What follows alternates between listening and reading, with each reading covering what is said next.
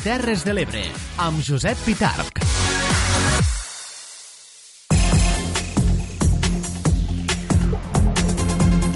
Esteu escoltant el programa El dia Terres de l'Ebre, el corresponent a aquest dijous, aquest 27 de juny, en el que, òbviament, aquest gran incendi a la Ribera d'Ebre centrarà la nostra, la nostra atenció informativa.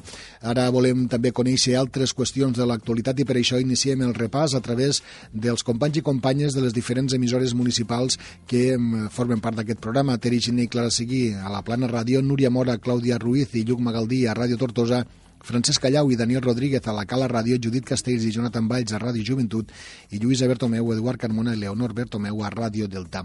Comencem avui per la capital del Baix Ebre, a Tortosa, i a la nostra companya Clàudia Ruiz. Clàudia, bona tarda. Bona tarda, si li podem dir així, eh? perquè tots estem bastant pendents d'este foc que crema molt a prop. I tant, i tant. Clàudia, quines són les altres eh, notícies de l'actualitat de la jornada?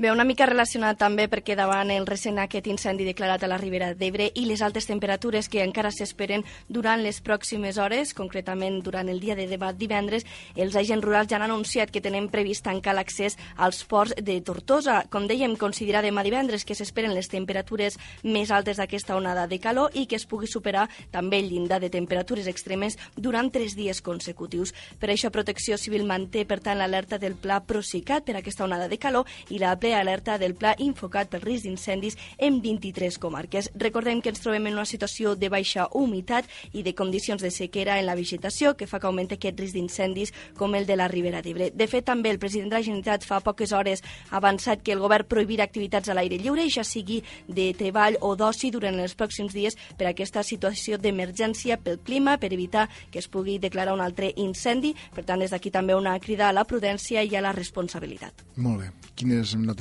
més tenim avui? També que el republicà Xavier Faura es convertirà en el president del Consell Comarcal del Baix Ebre gràcies a l'acord amb Movem en Terres de l'Ebre. Eh, als republicans els faltaven dos consellers més per als seus honres representants sortins de les urnes del 26 de maig per aconseguir la majoria absoluta i que Movem Terres de l'Ebre doncs, ha estat, sembla, l'únic partit que, amb els quals es sentiran còmodes per governar i han assolit aquest acord. Han destacat que l'objectiu del futur govern serà el de millorar la qualitat de vida dels ciutadans amb polítiques de justícia social i donar importància a la transparència transparència, diàleg i participació com a pilars bàsics d'acció de govern. I pel que fa als esports, dir que Tortosa i les Terres de l'Ebre ja ho tenen tot a punt per a l'inici la setmana que ve dels 600 World Sport Games que per primera vegada es disputaran a Catalunya. A hores d'ara, les tasques logístiques es centren a ultimar els detalls de la rebuda a partir del dilluns que ve, 1 de juliol, de les diferents delegacions a cada un dels seus allotjaments i en total més de 3.000 esportistes de 42 països que a partir de dimarts prendran part en la trentena de competicions en joc. Una cita, sens dubte, importantíssima aquesta i que omplirà d'activitat esportiva i també de, molta, de molts de visitants diverses poblacions de les nostres terres, Tortosa, però també altres poblacions del territori. Moltíssimes gràcies, Clàudia. Ho escoltem després al temps de les notícies. Fins ara. Continuem al Bager, en aquest cas anem cap al Delta, Ràdio Delta, i al nostre company Eduard Carmona. Eduard, bona tarda. Bona tarda, Josep. Bona tarda, si es pot dir així, també, com ha dit la nostra companya Clàudia, pendents aquí del Tebre també de com evoluciona l'incendi de la Ribera d'Ebre. Avui hi ha moltes notícies també des de Deltebre. Sí, en concret, tres, eh, que són les següents. D'una banda, eh, parlarem del bus que ha organitzat a les assemblees de l'ANC de Deltebre i de Sant Jaume per assistir el pròxim dimarts 2 de juliol a l'acte Omplim Estrasburg organitzat per l'ANC eh, Nacional. Un acte que pretén eh, manifestar eh, el rebuig per part de dels catalans a que els seus parlamentaris directament elegits no puguen, no puguen ser en aquesta Constitució del Parlament Europeu. Mm -hmm, molt bé. D'altra banda, també us parlarem de la denúncia que, que s'ha fet per part dels agents del Seprona de la Guàrdia Civil i també per la inspecció dels departaments de Salut i Pesca de la Generalitat a una empresa de bivalves del Delta de l'Ebre després de detectar que tenia a les seves instal·lacions 11.300 quilos de musclo d'origen grec. Mm -hmm per tant, un musclo que es comercialitzava com a producte del Delta de l'Ebre i, i no ho era. Estaven fent el frau posant l'etiqueta de musclo del Delta. Exactament, us en parlarem, us en donarem més detalls eh, després la nostra companya Leonor. I també per acabar, el darrer titular eh, és que Deltebre guardonarà una cinquantena d'alumnes pel seu esforç acadèmic en el darrer curs escolar. Mm. L'Ajuntament farà aquesta menció eh, a això, eh, en concret a l'esforç escolar. Molt bé, és una bona iniciativa aquesta, premiar l'esforç i la constància més aviat que el resultat final de l'excel·lència acadèmica. Eh? Efectivament, després en sentireu més detalls. Moltes gràcies, Eduard, fins ara. A tu, fins ara. Continuem el periple, continuem el, les nostres connexions, en aquest cas anem cap al Montsià, als estudis de la Plana Ràdio de Santa Bàrbara, i a la nostra companya Clara Seguí. Clara, bona tarda. Hola, què tal? Com ens... diuen els meus companys, bona no, no ho és gens, no, estem molt tristos, eh? I tant, no, no ho és gens. Eh, Clara, què ens expliqueu avui des de la Plana? Mira, una bona notícia per a la Ràpita, ja que l'Oficina de Turisme de la Ràpita ha obtingut la certificació del segell Q de qualitat turística. Es tracta d'un segell otorgat per l'Institut per a la Qualitat Turística Espanyola que reconeix l'esforç realitzat per les empreses i institucions turístiques en la implantació d'un sistema de qualitat. Molt bé. Alguna I d'altra banda parlarem sí Sí, la CUP Alcanar denuncia i qüestiona qui gestiona a hores d'ara el servei de recollida dels animals al terme municipal després que l'actual govern anunciés que renuncia eh, del contracte amb el Corralet set dies abans del venciment d'aquest contracte. Mm. Una polèmica que va sorgir arran de que l'Ajuntament d'Alcanar rescindís el contracte amb, amb, aquesta, amb aquesta empresa. Clara, doncs explicarem una miqueta i també hi ha les declaracions de la mateixa regidora de la CUP Alcanar. Molt bé, Clara. Molt... I després, d'altra banda, tenim sí. una notícia esportiva avui. Ah, avui sí. I us parlaré del Dinamos Delhi, que entrena eh, l'empostí Josep Gombau i està fent ara la, la pretemporada a les instal·lacions d'Amposta, al centre de tecnificació. De tecnificació, exacte, que s'està convertint també en un centre on venen molts equips de, de les diferents parts del món eh, a fer la Així seva és, doncs ara aquí. de la Índia. Mira, déu que bé. déu nhi Clara, I d'altra banda, Dime. tenim l'Espai TIC avui. Sí, avui hem de parlar de, de la nova manera de veure la tele, no? Així és, la Tere Giner fa una entrevista per parlar d'aquestes plataformes, per exemple, Netflix, HBO, i com està revolucionant la manera de consumir la televisió de tots nosaltres. Molt bé, escoltarem aquesta, aquest espai de la Tere Giner. Moltíssimes gràcies, Clara. Fins ara. Gràcies a tu. Fins ara. Continuem al Montsià, anem en aquest cas cap als estudis de Ràdio Joventut a Mas d'Enverge, on hi ha Judit Castells. Judit, bona tarda. Bona tarda, Josep. Quines són les notícies que tens preparades?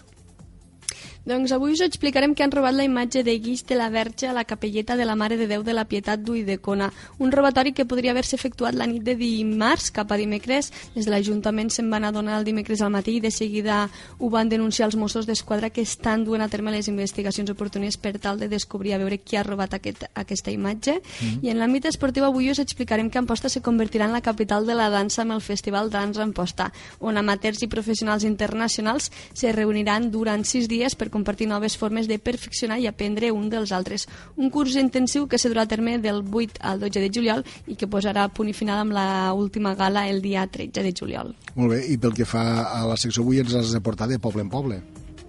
Doncs sí, avui us porto de poble en poble i concretament us porto cap a Amposta per parlar del Festival de Cinema Internacional Montfilmat que organitza el Centre d'Arlopati. Celebren la quarta edició i per conèixer tots els detalls parlarem amb Xavier Miró, el director d'aquest certamen. Molt bé, també pendents d'aquesta entrevista amb Xavier Miró per, per conèixer els detalls, de, com deies, de Montfilmat. Judit, moltíssimes gràcies. Fins ara. Gràcies a tu. Fins ara, Josep. I acabem la ronda de connexions als estudis de la Cala Ràdio a la Mella de Mar, a punt de començar ja les festes majors, és així, Francesc Callau? Sí, a punt de començar les festes d'estiu, que les comencem demà, Josep, mm. i precisament una de les notícies que us tenim preparades eh, està relacionada amb les festes perquè coincidint amb el dia de Sant Pere s'inaugurarà al Centre d'Interpretació de la Pesca antiga cofradia de pescadors mm o antiga llotja eh, una exposició que va sobre l'escola del Pòsit una escola que va ser eh, pues, bueno, molt popular eh, pues en els anys eh, 30, 40 i fins i tot més endavant. A la Mella va estar eh, va estar activa entre 1924 i 1933 i també després de la guerra entre 1940 i 1972, mm. però igual que la Mella de Mar també s'havia dut a terme en altres localitats, com eh, per exemple Vilanova i la Geltrú, Redó, i, ai, perdó, Redó, Castelló i altres eh, localitats com Palamós eh, o, o fins i tot Tarragona. Eh, bueno, és una part de la història educativa del poble que, diguéssim, que escarbant, escarbant, l'historiador local Javier Figueres pues, ha tret a, a la llum. De fet, fins 1972 va estar activa, per tant, eh, pues, bueno, a vegades la memòria mm, diguéssim que la perdem molt aviat. Sí. Això per una banda. Per l'altra, posant-nos seriosos, baixen prop d'un 5% els fets delictius en l'últim any a la Mella de Mar, mm, els delictes han disminuït un 4,5%, però si això ho portem a veure, per exemple, els robatoris amb força, ja baixen un 10%. I si ens fixem en robatoris a domicili, aquest 10% ja es converteix en un 20%. Per tant, bueno, doncs bones notícies i mm, sabem que les xifres pues, són molt gelades, però eh, si sempre ens preocupem quan van a l'alça, pues hem d'estar contents almenys quan van a la baixa. I tant que sí. I a l'àmbit esport... eh, molt bé, i a l'àmbit esportiu ens tornem a remetre a les festes de Sant Pere perquè una part dels actes més tradicionals de les festes de Sant Pere pues, són el que anomenem aquí les festes marítimes, que no deixen de ser activitats relacionades amb l'esport i en l'àmbit marítim, començant per les curses de bots, que en els últims anys s'han convertit en traineres, eh, continuant per la milla marató, seguint també per la travessa al port en natació i sobretot un dels actes més tradicionals que podríem dir de passada que, bueno, ho podríem encarar dins de l'àmbit esportiu com és la barra del cos, que és la barra ensabonada mm -hmm. en sentit eh, horitzontal i que, bueno, tots en els pobles mariners hem vist en alguna ocasió mmm, que n'hi han de més hàbils i menys hàbils, però el que s'emporta la rama de pi penjada al final, abans s'enduia un pato, ara s'endú un premi. I eh? alguns, alguns algunes costellades mos han pegat, eh, caient de la barra. Molt bé, sí, sí, sí, la veritat és que sí. Francesc, moltíssimes gràcies. Fins ara. Te, tenim, ah, l'entrevista esportiva, la, sí, veritat, tenim l'entrevista esportiva Disculpa. avui amb Jordi Llaó, eh, actualment regidor d'Esports, però fins a acabar la passada temporada mm, eh, responsable i coordinador en funcions de, del futbol base, que ens fa un balanç de com ha anat la temporada del futbol base a la Mella de Mar. Escoltarem, escoltarem aquest balanç que fa el regidor Lleó. Moltíssimes gràcies, Francesc. Ara sí, en parlem després. En parlem després, Josep.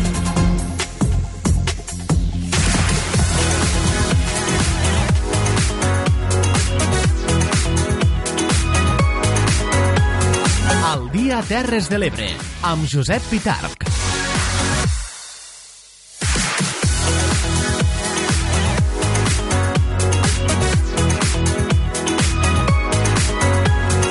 El dia Terres de l'Ebre, amb Josep Pitarch.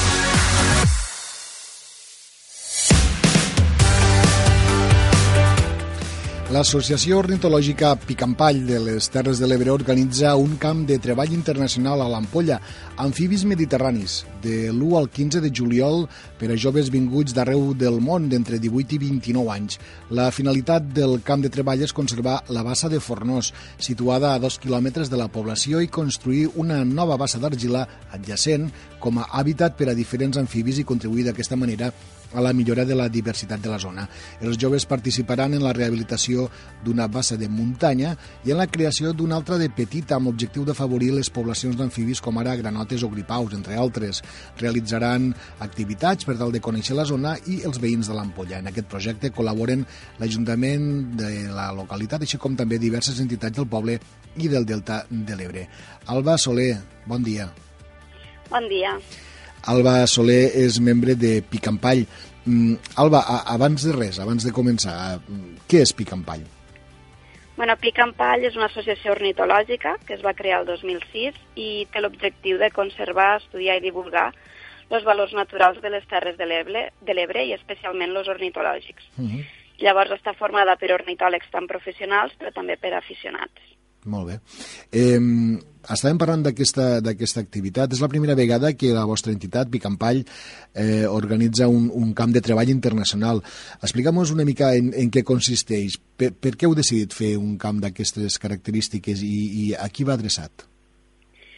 Bueno, tot i que han fet altres accions de voluntariat, sí que és la primera vegada que organitzem un camp de treball internacional. Llavors, bueno, com bé tu has dit, és de, per a joves de 18 a 29 anys, és a dir, per a majors d'edat. tot i que hi ha altres tipus de camp que nosaltres ara no fem, però que són per a, per a menors d'edat també i que es fan a, aquí a Catalunya o, mm. o en àmbit nacional. Mm.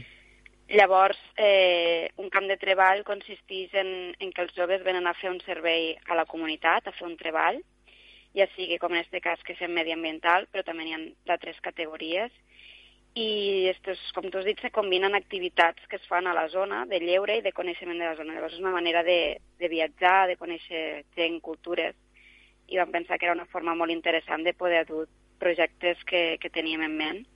I concretament dur a terme un projecte que ja, ja havíem fet coses com el projecte Amfibiat, que el que pretén és identificar i restaurar diferents bases d'argila que tenim al territori, a les Garrigues, i que aquestes bases abans les usaven els ramats pues, per a veure, mm. i com ja sabeu, pues, cada vegada hi ha, hi ha menys ramats que pasturen per les nostres terres i en general per tot arreu, així que aquestes bases s'estan perdent i són uns punts d'aigua molt importants per a la reproducció d'amfibis, tant els més coneguts, com tu has comentat, les granotes i, i gripaus, però d'altres també més desconeguts, com l'ofegabaus, que és un amfibi que de tota Catalunya només se troba a les Terres de l'Ebre. Eh, ja. digues, digues, digues. No, dic que possiblement els amfibis siguin, a veure si mantens l'expressió, els, el, els grans eh, desconeguts. Eh? Centrem l'atenció moltes vegades en actuacions a mamífers, evidentment, a rèptils, a ocells, no cal dir-ho, però sempre els amfibis queden allí com una mica pobres, no? Sí, sí, sí. De fet, bueno, normalment, clar, la gent tendís a, a centrar-se en mamífers, que són el més paregut a nosaltres i el que ens pareix, entre cometes, més mono, ja que ens recorda pues, a trets més, més pareguts a nosaltres mm. els que ens crea més simpatia. Mm. I a part, com tu dius, també moixons, que poden ser més, més espectaculars, com el flamenc i, i altres, però els amfibis sí que potser són uns animals més difícils de veure, sí que els podem sentir per les nits, sobretot si anem pel delta o si estem al costat d'una bassa, però són més difícils de veure, de seguida normalment s'amaguen i hi ha gent també que hi ha una mica de diguéssim, de, no? cap al sap, pues, això, aquestes, de rebuig, no? històries de... de rebuig cap a ells, que a la gent no els agrada moltes vegades, no? Els rèptils també passa una mica.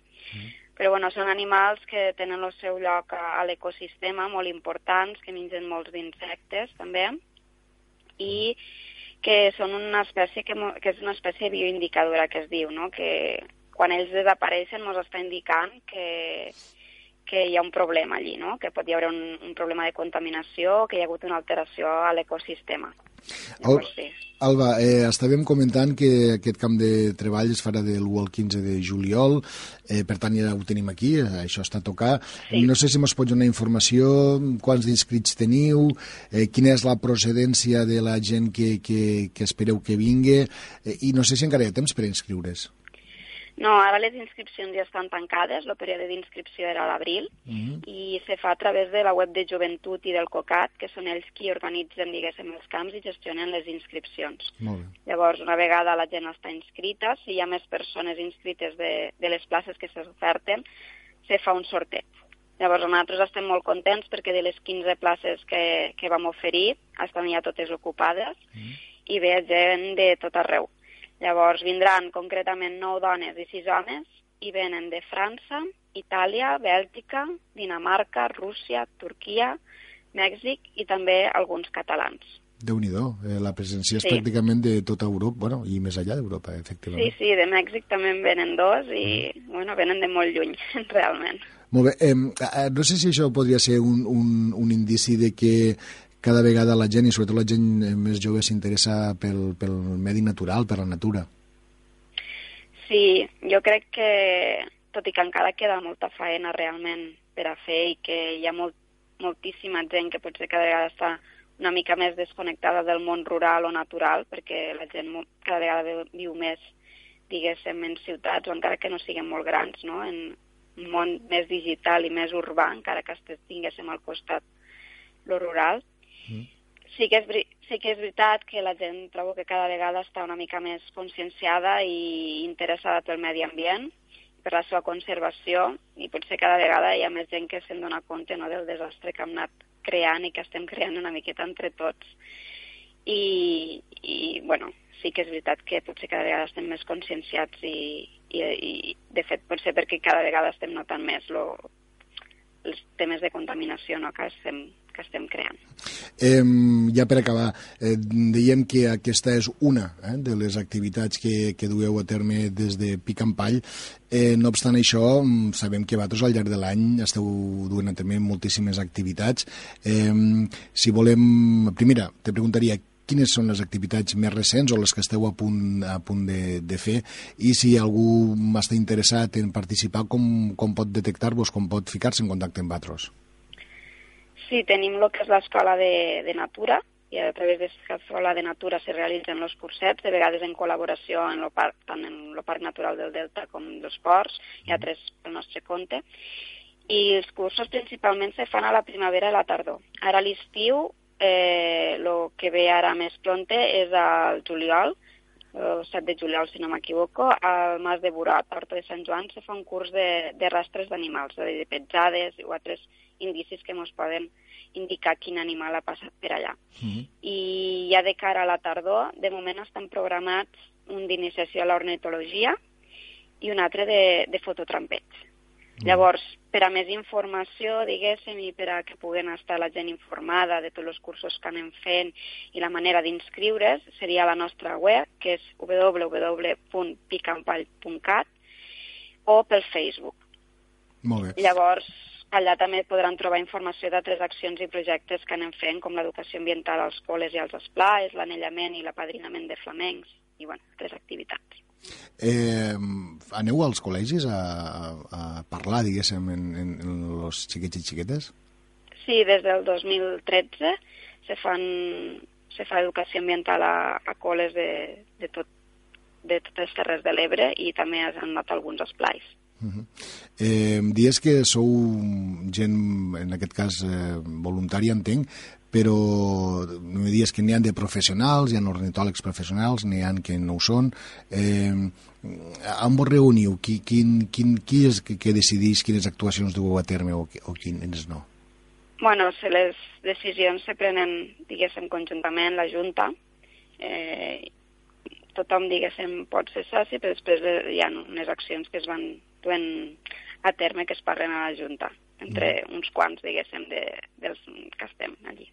Molt bé, i per tant eh, diem a la gent que a través de, de les xarxes, bàsicament, es poden, eh, poden buscar, poden mirar mm, quina, quina activitat o quina és la propera actuació que Picampall durà a terme. Ens parlaves d'aquest curs a Horta de Sant Joan i també després del, del fototrampeig, que per cert, me sembla que s'està ficant de moda això del fototrampeig, no?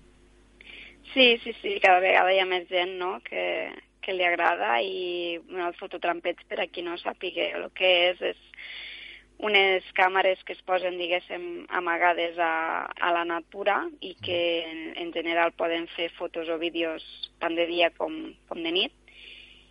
I sí, és una manera de veure quins animals estan passant per allà. S'usen moltes vegades també en estudis científics o per a fer context d'animals mm. o per a veure el comportament d'aquests animals, intentant alterar lo mínim este comportament, tot i que normalment molts animals les detecten encara que feien el mínim soroll o, o el mínim d'estòrbol, els animals ja sabem que tenen els sentits una mica més aguditzats que nosaltres. Molt bé, Alba. Recordem als nostres oients i als nostres espectadors, recorden eh, curs eh, Camp de Treball Internacional a l'Ampolla, Amfibis Mediterranis, del dia 1 fins al 15 de juliol, organitzat en aquest cas per l'Associació Ornitològica Picampall de les Terres de l'Ebre. Alba Soler, membre de Picampall, moltíssimes gràcies, sort, que vagi molt bé aquest camp de treball i moltes gràcies per atendre la nostra trucada. Moltes gràcies a vosaltres.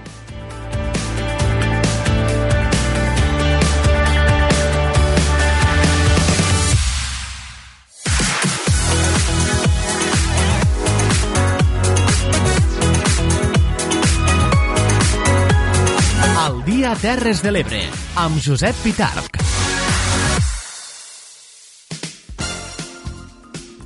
I continuem amb més continguts després de l'entrevista amb uh, Alba, aquesta membre de Picampall, i ara hem d'anar de poble en poble.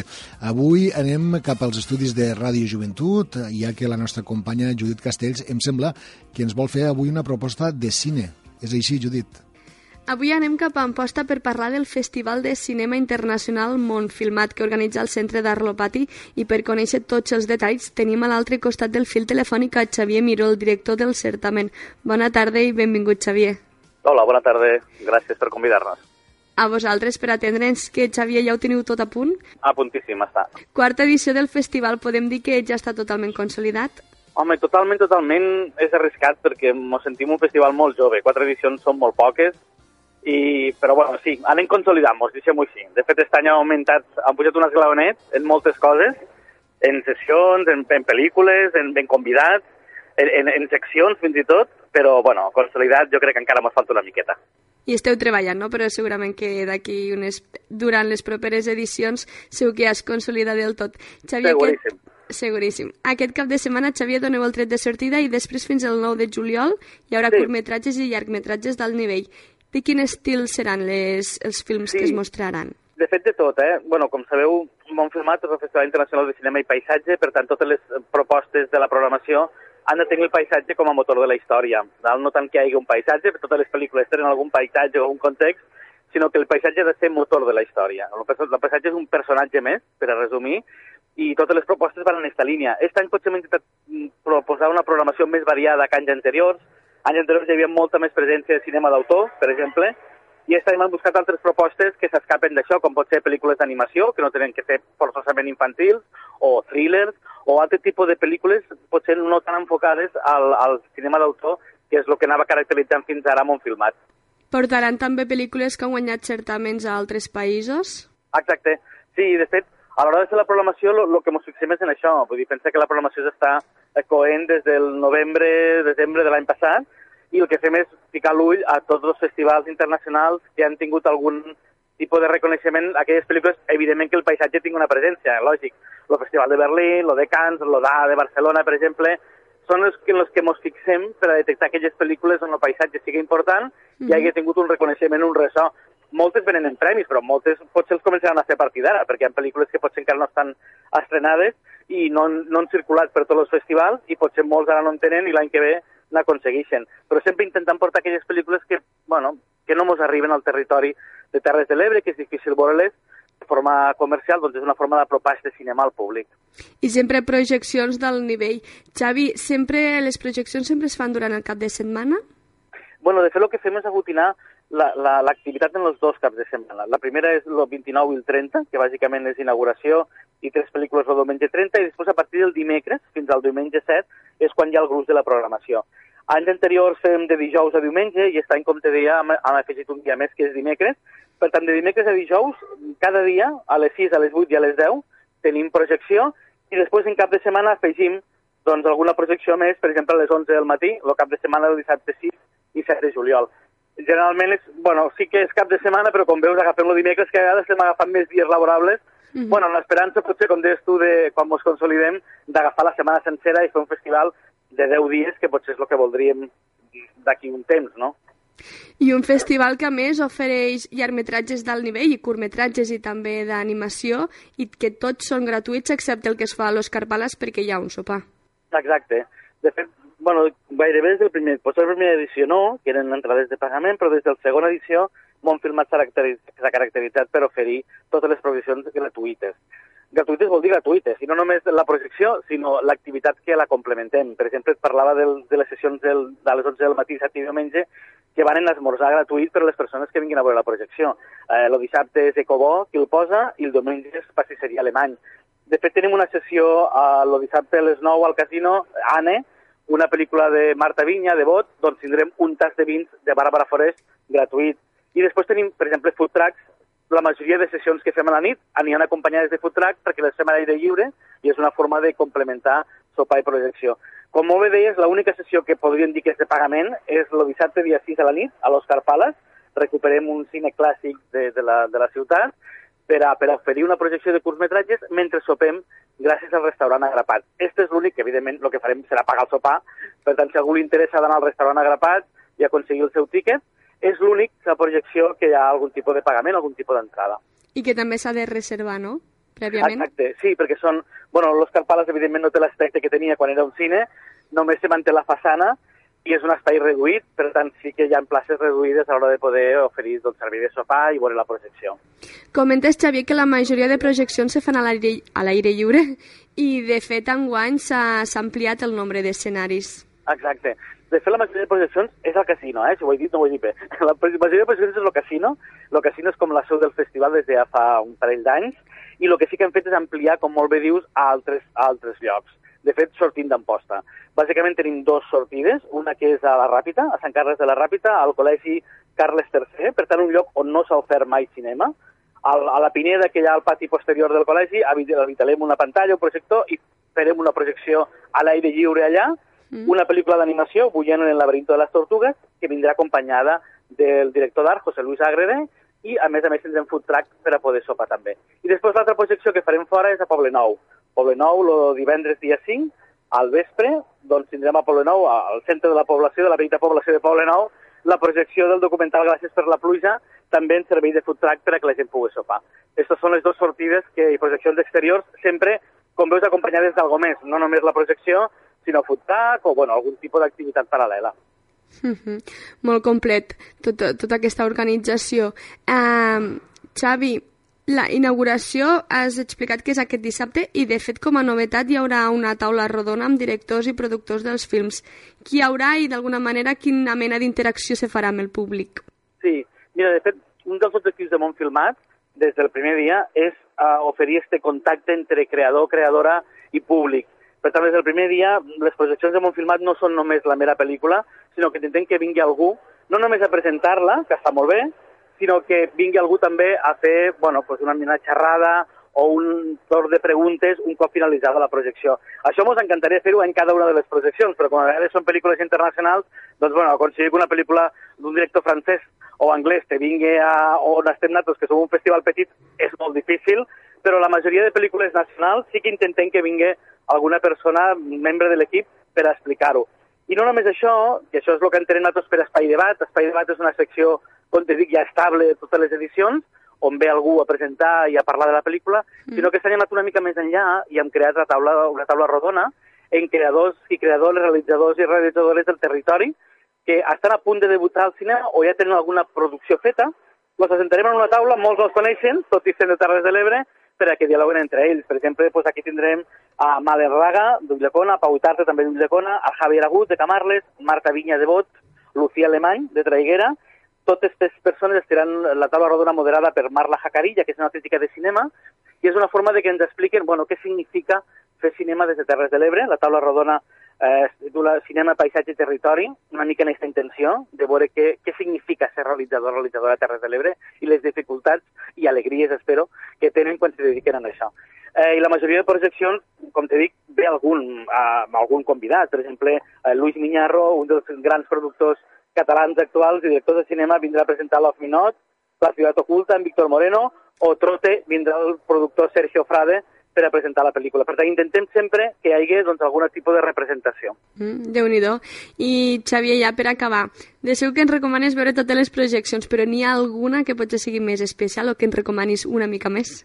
Jo, d'entrada, recomanaria potser inauguració i cloenda, i no puc evitar de, de parlar de les que es fan a l'aire lliure, perquè realment tenen molt d'encant voler una projecció a l'aire lliure en pantalla gran, eh, i si damunt ve acompanyat tot això, com dia abans, d'un food truck o d'una una cosa per prendre, doncs és més raó. La inauguració és ineludible, jo crec que tothom hauria de vindre.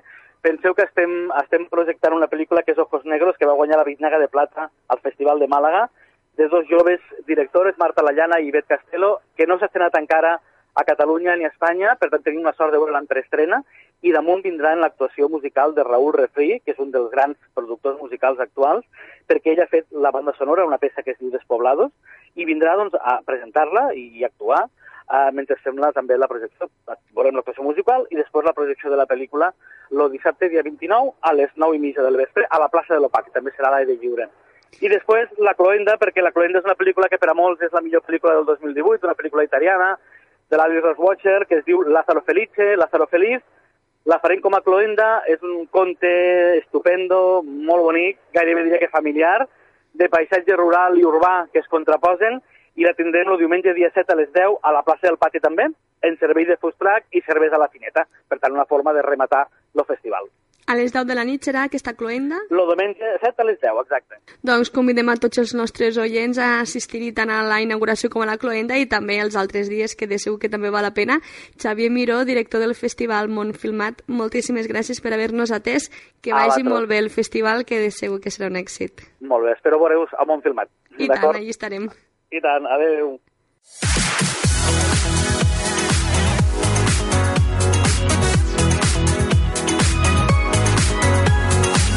Dia Terres de l'Ebre, amb Josep Pitarc.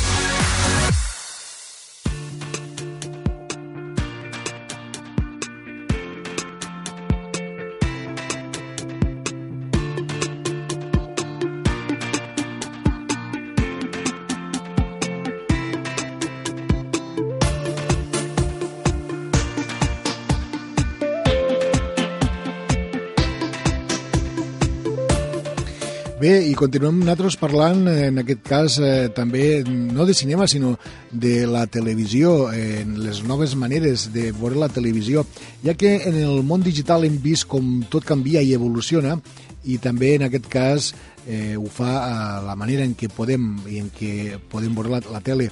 Avui us parlem de les plataformes Netflix, HBO i també com ha revolucionat aquesta manera de consumir la petita pantalla. Ens ho explica Terigine. El món de les noves tecnologies és canviant. I, de fet, eh, això es constata també amb el món dels mitjans de comunicació. Eh, per exemple, la televisió. La televisió canvia constantment. Ja no només en quant als anuncis publicitaris, per exemple, que també podríem parlar-ne, sinó a aquestes plataformes que ara estan sorgint i que fan que la televisió la puguem veure des d'una manera diferent, la televisió a la carta, no? Eh, Netflix, HBO, segurament que vosaltres eh, n'heu sentit parlar d'aquestes plataformes, n'hi ha d'altres. Avui abordem aquesta temàtica amb l'Espai TIC i amb Mercè Fort. Mercè, benvinguda. Hola, Gràcies per acompanyar-nos. Bé, gràcies a vosaltres, una vegada més. Explica una mica per a aquesta gent que no està tan posada amb les noves tecnologies, tot i que és estrany, eh? perquè d'anuncis n'hem vist per tots, els, eh, per tots els cantons. Què és això de les plataformes? Les plataformes digitals són eines i recursos que s'ofereixen a través d'internet, de, de connexions a internet, i que lo, tenen continguts audiovisuals que estan disponibles eh, online. Llavors, doncs, bueno, una miqueta és això, no? tindre tot a l'abast un munt de, de programes, continguts, eh, tant pel·lícules, sèries, i una mica pues, bueno, està a la teva disposició perquè tu ho pugues veure en el moment que tu vulguis i, a més a més, en diferents tipus de dispositius. Això eh, ens presenta un canvi també de, de la manera de consumir aquests mitjans de, de, de comunicació. No? La televisió, per exemple, ja no és el mateix que abans. Ara, eh, Exacte. amb aquests Smart TV, que ja ho hem vist moltes vegades, eh, tens múltiples funcionalitats. Parla'ns d'aquests canvis tan importants que, que ja tenim, que ja estem utilitzant. Sí, de fet, tu has dit la paraula clau i és que és una manera diferent de consumir los, los continguts, en aquest cas, audiovisuals i multimèdia. Eh, de fet, tot això se veu molt reflexat, en, sobretot a les cases que hi ha gent més jove, els millennials que s'anomenen, i els nadius digitals, és molt difícil que als, als més joves, i és per a que veiéssim molt bé la diferència, eh? Eh, que la manera ja de consumir d'ells la, el que és la televisió que tots coneixem és totalment diferent. Vale? Si tu ofereixes eh, veure alguna determinat a una hora quan està programat, diguéssim, eh, la majoria d'infants i d'adolescents te diran que, que, que és això, no? que ella ho veurà quan voldrà i en el dispositiu que voldrà i en el lloc que voldrà. Vale? De fet, el que és la televisió pues, bueno, te condiciona a estar en un moment donat, a una hora determinada i en un lloc determinat. Perquè pues, si està ubicada a la sala d'estar, al menjador o, o a l'estància que sigui de la casa, allò, vulguis que no, te condiciona. En canvi, aquestes plataformes te donen d'alguna manera la llibertat de poder triar moltes coses, horaris, moments, llocs, i bueno, tot això és un canvi important a l'hora d'això, no?, d'accedir a aquests continguts. També et donen la llibertat de no tenir publicitat, no? Perquè aquesta és una altra. Quan mires una sèrie de televisió, per exemple, eh, evidentment que el fenomen publicitari o la publicitat sempre hi està present. En aquest sentit, no? Bueno, en aquest sentit, eh, sí que la publicitat, això no deixarà mai d'estar, perquè d'alguna manera és de, de, de, de, eh, hi ha ingressos per a tot aquest tipus de plataformes, però bueno, també la publicitat arriba i se consumeix d'una altra manera. Uh -huh. A més a més, totes aquestes plataformes, o la majoria d'elles, els continguts són de pagament, per tant, previ pagament, eh, tu el que estàs fent ja és una, una, una sèrie d'extres, de, no?, de privilegis, que entre uns d'ells és la publicitat, que, bueno, no és tan com a la televisió pública, diguéssim, que, bueno, és més quan ells te diuen, no te l'has de tragar, els anuncis. D'esta manera, doncs, bueno, molts continguts, la publicitat se concentra o al principi, o al final, o simplement no n'hi ha. Vale? Depenent del, del contracte que tu tingues, perquè aquesta és l'altra.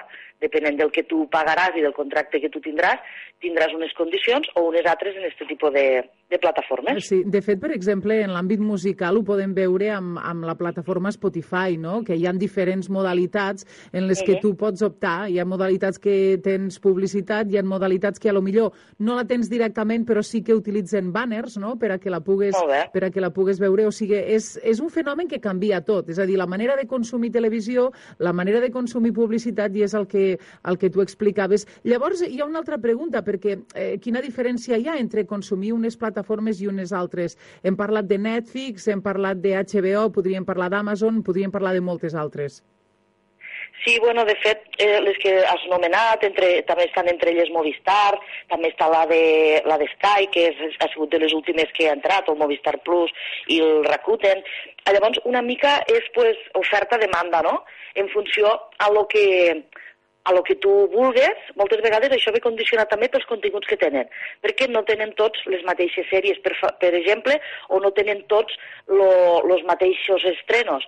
Llavors, moltes vegades, el que és el consumidor, pues, bueno, mira en funció dels seus gustos, i, i això és un, un dels factors que fa que, que, que tu com a consumidor t'acabes de cantar per una plataforma o per una altra. També l'altre factor important és el cost de cada una d'estes Vale? Cada una pues, té un preu, a lo millor algunes són més econòmiques, més assequibles, i a lo millor prefereixes renunciar a estrenos tant d'última hora i és igual esperar uns mesos més, i, i bueno, també és el cost és més baix. Llavors una miqueta això en funció de cadascú el que vol, però de, un, un dels factors més importants és la sèrie que un està seguint, uh -huh. si la té o no la té. Molt bé. Eh, de vale? fet, Perquè no totes tenen les mateixes sèries. Sí, de fet, eh, amb el tema que estàs comentant, jo recordo que, eh, que quan va sortir, per exemple, la sèrie Les xiques del cable, tothom parlava de, de, de, bueno, de que és a Netflix on podies uh -huh. trobar aquesta sèrie, i això també fa eh, que moltes d'aquestes eh, plataformes eh, siguin les que, eh, les que produïsquen sèries de, de televisió i que després eh, són ells les que les venen o les que les ofereixen, no? Exacte. Mm, és, per això te diria que un dels factors molt importants és este, les sèries que contenen, i a més a més és això, aquestes plataformes han, han anat evolucionant, vale? i una de les coses que estan fent és això, produir o creacions pròpies. Uh -huh. vale? Per exemple, coneixem el, el gran de Netflix, vale? que a més a més este, en les últimes setmanes ha hagut també una mica el conflicte este, no? de les pel·lícules produïdes per plataformes digitals, si poden entrar algun tipus de... Bueno, si poden estar les igualtat de, de condicions a l'hora dels premis que les altres o no, vale? és una de, una de les dilemes que es va obrir, un dels diàlegs que s'ha obert, i bueno, tot això està molt per veure, no? Però jo penso que una miqueta tot això de les plataformes estem veient només la punta de l'iceberg, canviarà totalment el concepte de la televisió, canviarà totalment la idea de, de produir eh, a grans escales tant pel·lícules com sèries com continguts en general i una mica sí d'això, no? que bueno, eh, cada vegada tenen més aquestes produccions pròpies que després és un factor super important per a fer que una persona se decante per consumir aquell producte o un altre. I, I per la part del consumidor, Mercè, què és el que es detecta? És a dir, els consumidors són fidels a una plataforma o ens movem també per gustos i durant un temps estem a una plataforma i després a lo millor canviem per una altra? Bueno, eh, hi ha de tot, però sí que és veritat que moltes vegades, com la majoria de plataformes ofereixen un mes gratuït de prova i a partir d'este mes tu tries si vols continuar en ells i ja començar a pagar o, mm, o no, pues molta gent també el que fa és que va saltant de plataforma en plataforma vale? i estan consumint pues, el mes de prova de les diferents plataformes. Això ve donat quan a la persona, a l'usuari, no li condiciona tant el que hi ha, sinó que simplement pues, bueno, vol tindre accés a diferents mm, eh, pel·lícules o sèries, però que una mica li és igual el que, lo que sigui. Llavors sí que s'està donant també una sèrie de públic així, no?, que van saltant de plataforma en plataforma i se consumeix el més este de prova, que és totalment lícit perquè les plataformes ja ho ofereixen. Però bueno, després una gran part de gent pues, més o menys són fidels, tot i així la gent a lo millor pots estar un o dos anys en una i canviar a una altra, en funció, doncs, bueno, també una mica anar provant. El problema és que no te pots subscriure a totes i estar fent el pagament de totes. Bueno, mm -hmm. sí que se pot, però clar, suposa un gasto moltes vegades innecessari. Ah, llavors, doncs, bueno, és, se pot anar provant les diferents plataformes i la que més t'agrada. Bueno, vale? és una Perquè altra. després també doncs, hi ha diferents factors, el número de dispositius als que tu pots connectar-te alhora, Vale? Pues a lo millor hi ha plataformes que te deixen només tindre dos dispositius simultàniament alhora. Hi ha altres que te deixen hasta 5 i 6 dispositius diferents, en diferents usuaris. Llavors tot això una miqueta perquè moltes vegades també el que se fa és que les famílies comparteixen aquesta subscripció.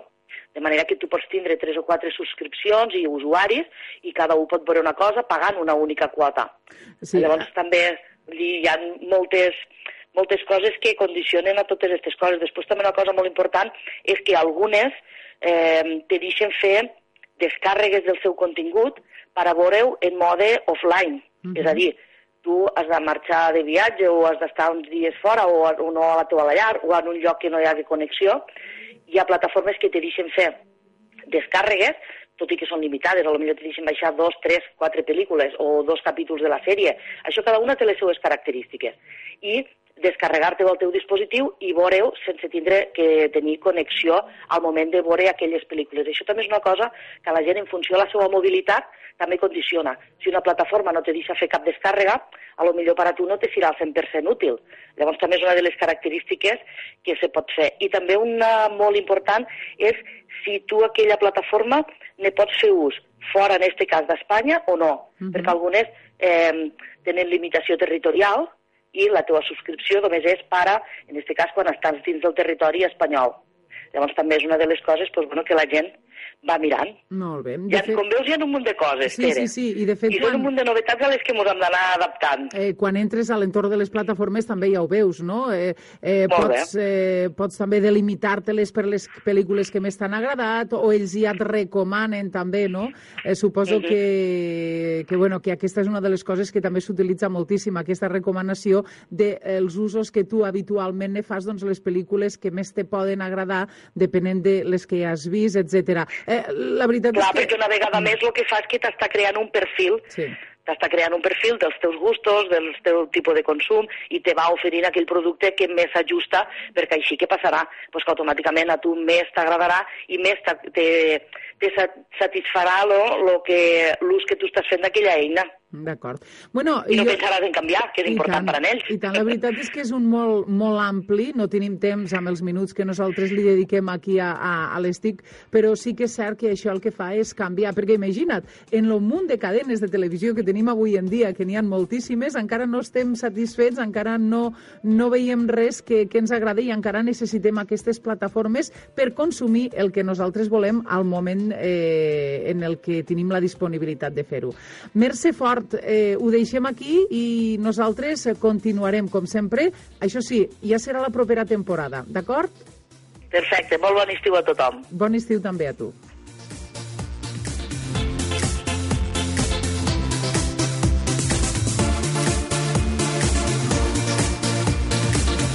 Bé, és una nova manera de, de, de veure la tele, de una mica tele a la carta. Els que tenim ja una certa edat, recordem quan hi havia una cadena de televisió i després dos en blanc i negre eh? i déu nhi el que avui en dia la tecnologia ens permet que bé, tot és avançar, no? com, com se sol dir en definitiva, ara anem a fer una, una aturada per la desconnexió publicitària després escoltarem eh, els, els butlletins de, informatius de la xarxa, els companys de la xarxa amb aquesta última hora sobre l'incendi de la Ribera d'Ebre i tornarem a estar tots vostès a partir de les 2 i 5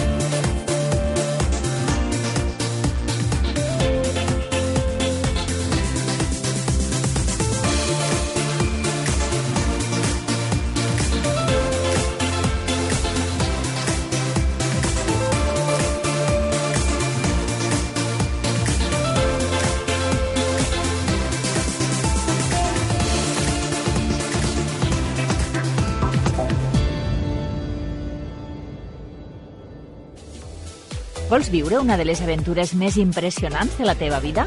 Viu l'experiència Tunatur. Gaudeix d'una excursió en catamarà amb sortida del port de l'Ametlla de Mar a la Costa Daurada.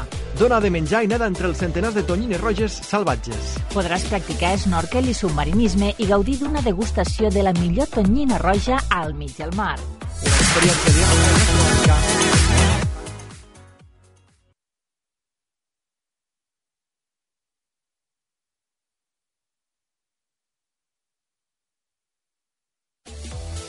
Vols viure una de les aventures més impressionants de la teva vida? Viu l'experiència Tunatur. Gaudeix d'una excursió en catamarà amb sortida del port de l'Ametlla de Mar a la Costa Daurada. Dona de menjar i nada entre els centenars de tonyines roges salvatges. Podràs practicar snorkel i submarinisme i gaudir d'una degustació de la millor tonyina roja al mig del mar. Una experiència didàctica i gastronòmica per gaudir en família. Informació i reserves a tuna-tour.com.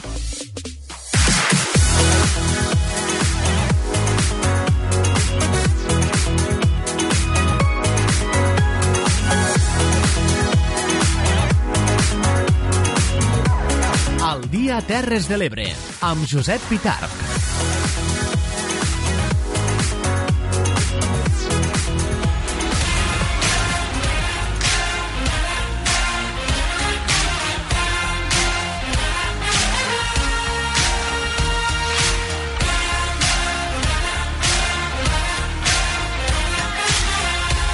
Al dia, els esports de les Terres de l'Ebre.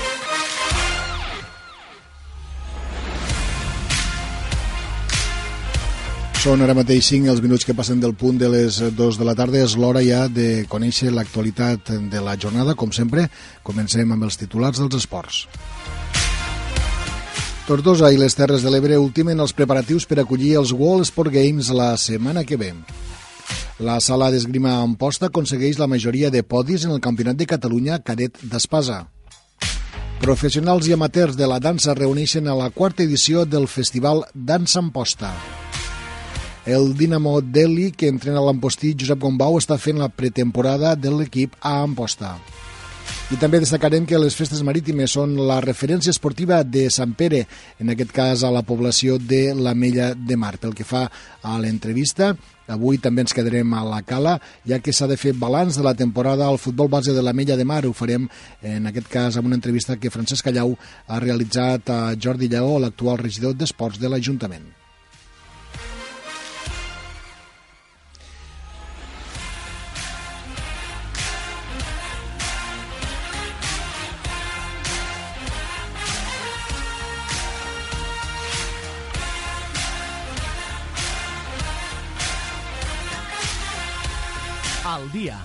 Esports de les Terres de l'Ebre.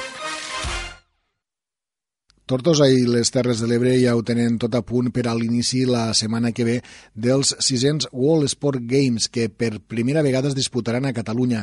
Hores d'ara, les tasques logístiques se centren en ultimar els detalls de la rebuda a partir de dilluns que ve, 1 de juliol, de les diferents delegacions a cada un dels seus allotjaments. En total, més de 3.000 esportistes de 42 països que a partir de dimarts prendran part en la trentena de competicions d'aquest joc. Núria Mora. L'alcaldessa de Tortosa, Meritxell Roger, la regidora d'Esports Cinta Espuny i el president de la Unió de Consells Esportius de Catalunya, Jaume Domingo, es van reunir ahir amb alcaldes i regidors de cadascuna de les poblacions que acolliran alguna de les competicions per coordinar els últims serrells dels World Sports Games. Cal recordar que, a més de Tortosa, els Jocs Esportius Populars també es duran a terme a poblacions com Amposta, la Ràpita del Tebre, Jesús, Roquetes, l'Aldea i l'Ampolla, a més de Salou, on també s'ha ubicat un dels esports per facilitar la logística. Meritxell Roger ha remarcat que el fet que els World Sports Games es duguin a terme a les Terres de l'Ebre suposa una oportunitat per al territori no només a nivell turístic, sinó també econòmic. En aquest sentit, s'ha encarregat un estudi a la URB que determini l'impacte econòmic que tindran aquests Jocs Populars. Evidentment, aquí hi ha una activitat esportiva molt important que també lliga amb l'aposta que hem fet tots els municipis que m'acompanyen pel que fa a l'esport a nivell de territori, però que evidentment hi ha un impacte econòmic, que tenim un estudi estudi que està fent la, la Universitat Rovira i Virgili que us presentarem també, però que, que suposa estos jocs que és una oportunitat molt important per al territori perquè aquesta gent, són, ja ho hem dit, superen les 3.000 esportistes, però després hi ha un nombre que no tenim, no tenim clar perquè no, no, no ens ve via nosaltres, sinó que venen, eh, que són els acompanyants i que han fet les seves reserves pel seu compte i que per tant això fa que hi hagi un impacte econòmic de molta gent en molt pocs dies que estaran aquí al nostre territori per tant també podran eh, generar eh, activitat econòmica als diferents municipis. Pel que fa a la logística, l'organització ha habilitat una xarxa de transport interurbà entre les diferents subseus que permetrà traslladar els visitants des dels hotels on s'allotgen fins als equipaments on es disputaran els diferents esports, així com també dur-los a la resta de poblacions perquè puguin conèixer el territori en els moments de lleure. Els esportistes i els seus acompanyants començaran a arribar dilluns i el dimarts, dia 2 de juliol, ja s'iniciaran les primeres proves. Ja a la nit, a les 9 i quart, es celebrarà la cerimònia inaugural a l'estadi municipal Josep Otero de Tortosa amb un espectacle que oferirà una visió global del territori a través d'elements que configuren les festes majors de cadascuna de les poblacions subseus. L'organització ha habilitat, a més, una aplicació per a dispositius mòbils dels World Sports Games amb tota la informació detallada de l'esdeveniment. Estarem pendents d'aquests jocs que, com dèiem, ompliran d'activitat el nostre territori la propera setmana. Nosaltres ara canviem de tema. La sala d'esgrima Amposta va tornar a donar una demostració del domini que exerceix en la modalitat d'espasa dintre del panorama de l'esgrima catalana en els campionats de Catalunya de la categoria cadet per a menors de 17 anys, disputats a Mataró, van acaparar la majoria de podis tant individuals com per equips. En la competició individual masculina, ple Ampostí, amb victòria a la final de Guillem Martínez, que es va imposar el seu company d'equip, Aleix Martí. El bronze també ho van compartir els representants del club Ampostí, Genís Pinyol i Aleix Jiménez. Per equips, els dos conjunts ampostins van ser els protagonistes de la final, amb la medalla d'or en la competició femenina, medalla de plata per a la tiradora del conjunt ampostí, Paula Vidal, i la de bronze va ser per Anaïs Pujol. Per equips es van endur la medalla d'or el conjunt del Montsià. Per altra banda, l'hongarès Tibor Andrasfi va superar Àngel Fabregat en la competició individual d'espasa al Campionat d'Europa d'esgrima que es va disputar a Düsseldorf. L'Ampostí va cedir després d'un emocionant i disputat combat per 13 a 12. Fabregat havia quedat exempt de la primera ronda del quadre final, al qual va accedir després d'acabar el seu pool amb 4 victòries i 2 derrotes. I precisament Amposta es convertirà al juliol en la capital de la dansa amb el festival Dansa Amposta. Judit Castells. Amateurs i professionals se reuniran durant sis dies per compartir noves formes de perfeccionar i aprendre un dels altres al Festival Dans Amposta. Aquesta quarta edició s'ha organitzat amb la col·laboració de l'àrea de cultura de l'Ajuntament d'Amposta i l'Escola de Dansa Jacqueline Biosca, que se divideix en un curs intensiu del 8 al 12 de juliol, que finalitzarà amb la gala final el dia 13 de juliol. L'objectiu d'aquest festival és impulsar la dansa a les Terres de l'Ebre d'una forma innovadora i creativa. El curs intensiu comptarà amb la presència d'artistes internacionals com Atila Egerhazi, Macek, Carlos Miró, Catalin Loring o Cristina Porres, exalumna de l'escola Jacqueline Biosca i ballarina professional. La gala final posarà la cirereta al pastís amb l'actuació de les companyies invitades Royal Ballet Feherbar, IT Dansa Companyia Jove de Dansa, Art Dance i les germanes Miró, a més de l'actuació dels alumnes assistents al Dans Amposta. Serà el 13 de juliol a les 8 i mitja a la Lira Ampostina i les entrades se poden aconseguir l'Escola de Dansa Jacqueline Biosca i a l'àrea de cultura de l'Ajuntament d'Amposta. I encara a la capital del Montsià, dir-los que aquest estiu està sent la seu de l'entrenament de l'equip que dirigeix l'empostí Josep Gombau a l'Índia, eh, l'equip de futbol, el Dinamo de Delhi. Ens ho explica Clara Seguí. Fins el 2 de juliol, l'equip Dinamos Delhi de la Índia està fent una estada de tecnificació en posta per als membres més joves del club, els quals treballaran la part tècnica i a l'agost serà tota la plantilla qui es desplaci al centre de tecnificació de la capital del Montsià, Josep Gombau. Per nosaltres, pues, bueno, és, un, eh, és un orgull estar aquí, no?, per, per, per, com a, com a Ampostí i com a ebrenc, pues, bueno, poder fer la pretemporada amb el teu equip aquí a les Terres de l'Ebre, pues, bueno, és, és un plus que, que, que et dona, no?, d'estar de, de, de, bé, de, de saber que estàs a casa, de, de sentir-te ben tractat i, bueno, aprofitant pues, tota la infraestructura esportiva que, que l'Ajuntament d'Amposta ha creat i que crec que, que està molt bé, pues, bueno, eh, hem vingut aquí. No? Tenim unes instal·lacions eh, de, de primer nivell, eh, uns camps eh, per a treballar eh, pues, d'una manera tranquil·la i, i, i molt bé i sobretot el més important una residència no? que abans eh, hi havia aquesta mancança una residència on, on puguem estar allotjats amb tot el tema eh, pues de, de nutricional i, i de comoditat de, de poder eh, estar còmodes i treballar com, com treballaries a qualsevol altre lloc on, on faries la, la pretemporada. No? També doncs, bueno, destacar eh, que podem utilitzar el gimnàs, la piscina, que per a temes de recuperació ens va molt bé i, per a seguir el treball físic. I bueno, la veritat que, que com a i com a entrenador pues, encantat d'estar aquí i, i ojalà puguem tornar a repetir-ho l'any que ve. Les instal·lacions esportives ampostines acolliran unes 33 persones entre staff i jugadors que realitzaran la pretemporada. Demà divendres comencen les festes de Sant Pere a la Mella de Mar, festes de gran contingut tradicional organitzades per la Confraria de Pescadors amb la col·laboració de l'Ajuntament. L'activitat esportiva, tot i que encarada a la mar, ha estat sempre un dels referents d'aquest període festiu que enceta l'època estival i que converteix l'activitat física en atractiu turístic. Francesc Callau. És el cas de les festes marítimes, un conjunt d'activitats que es desenvolupen a l'entorn portuari, algunes d'elles de gran i llarga tradició històrica. El cas de l'anomenada barra del cos, la barra ensabonada en forma horitzontal a sobre de l'aigua, que els joves han d'intentar completar fins a tocar una rama de pi lligada a la punta. Aquesta és una activitat que deixa imatges espectaculars i que cada any compta amb una gran afluència de públic.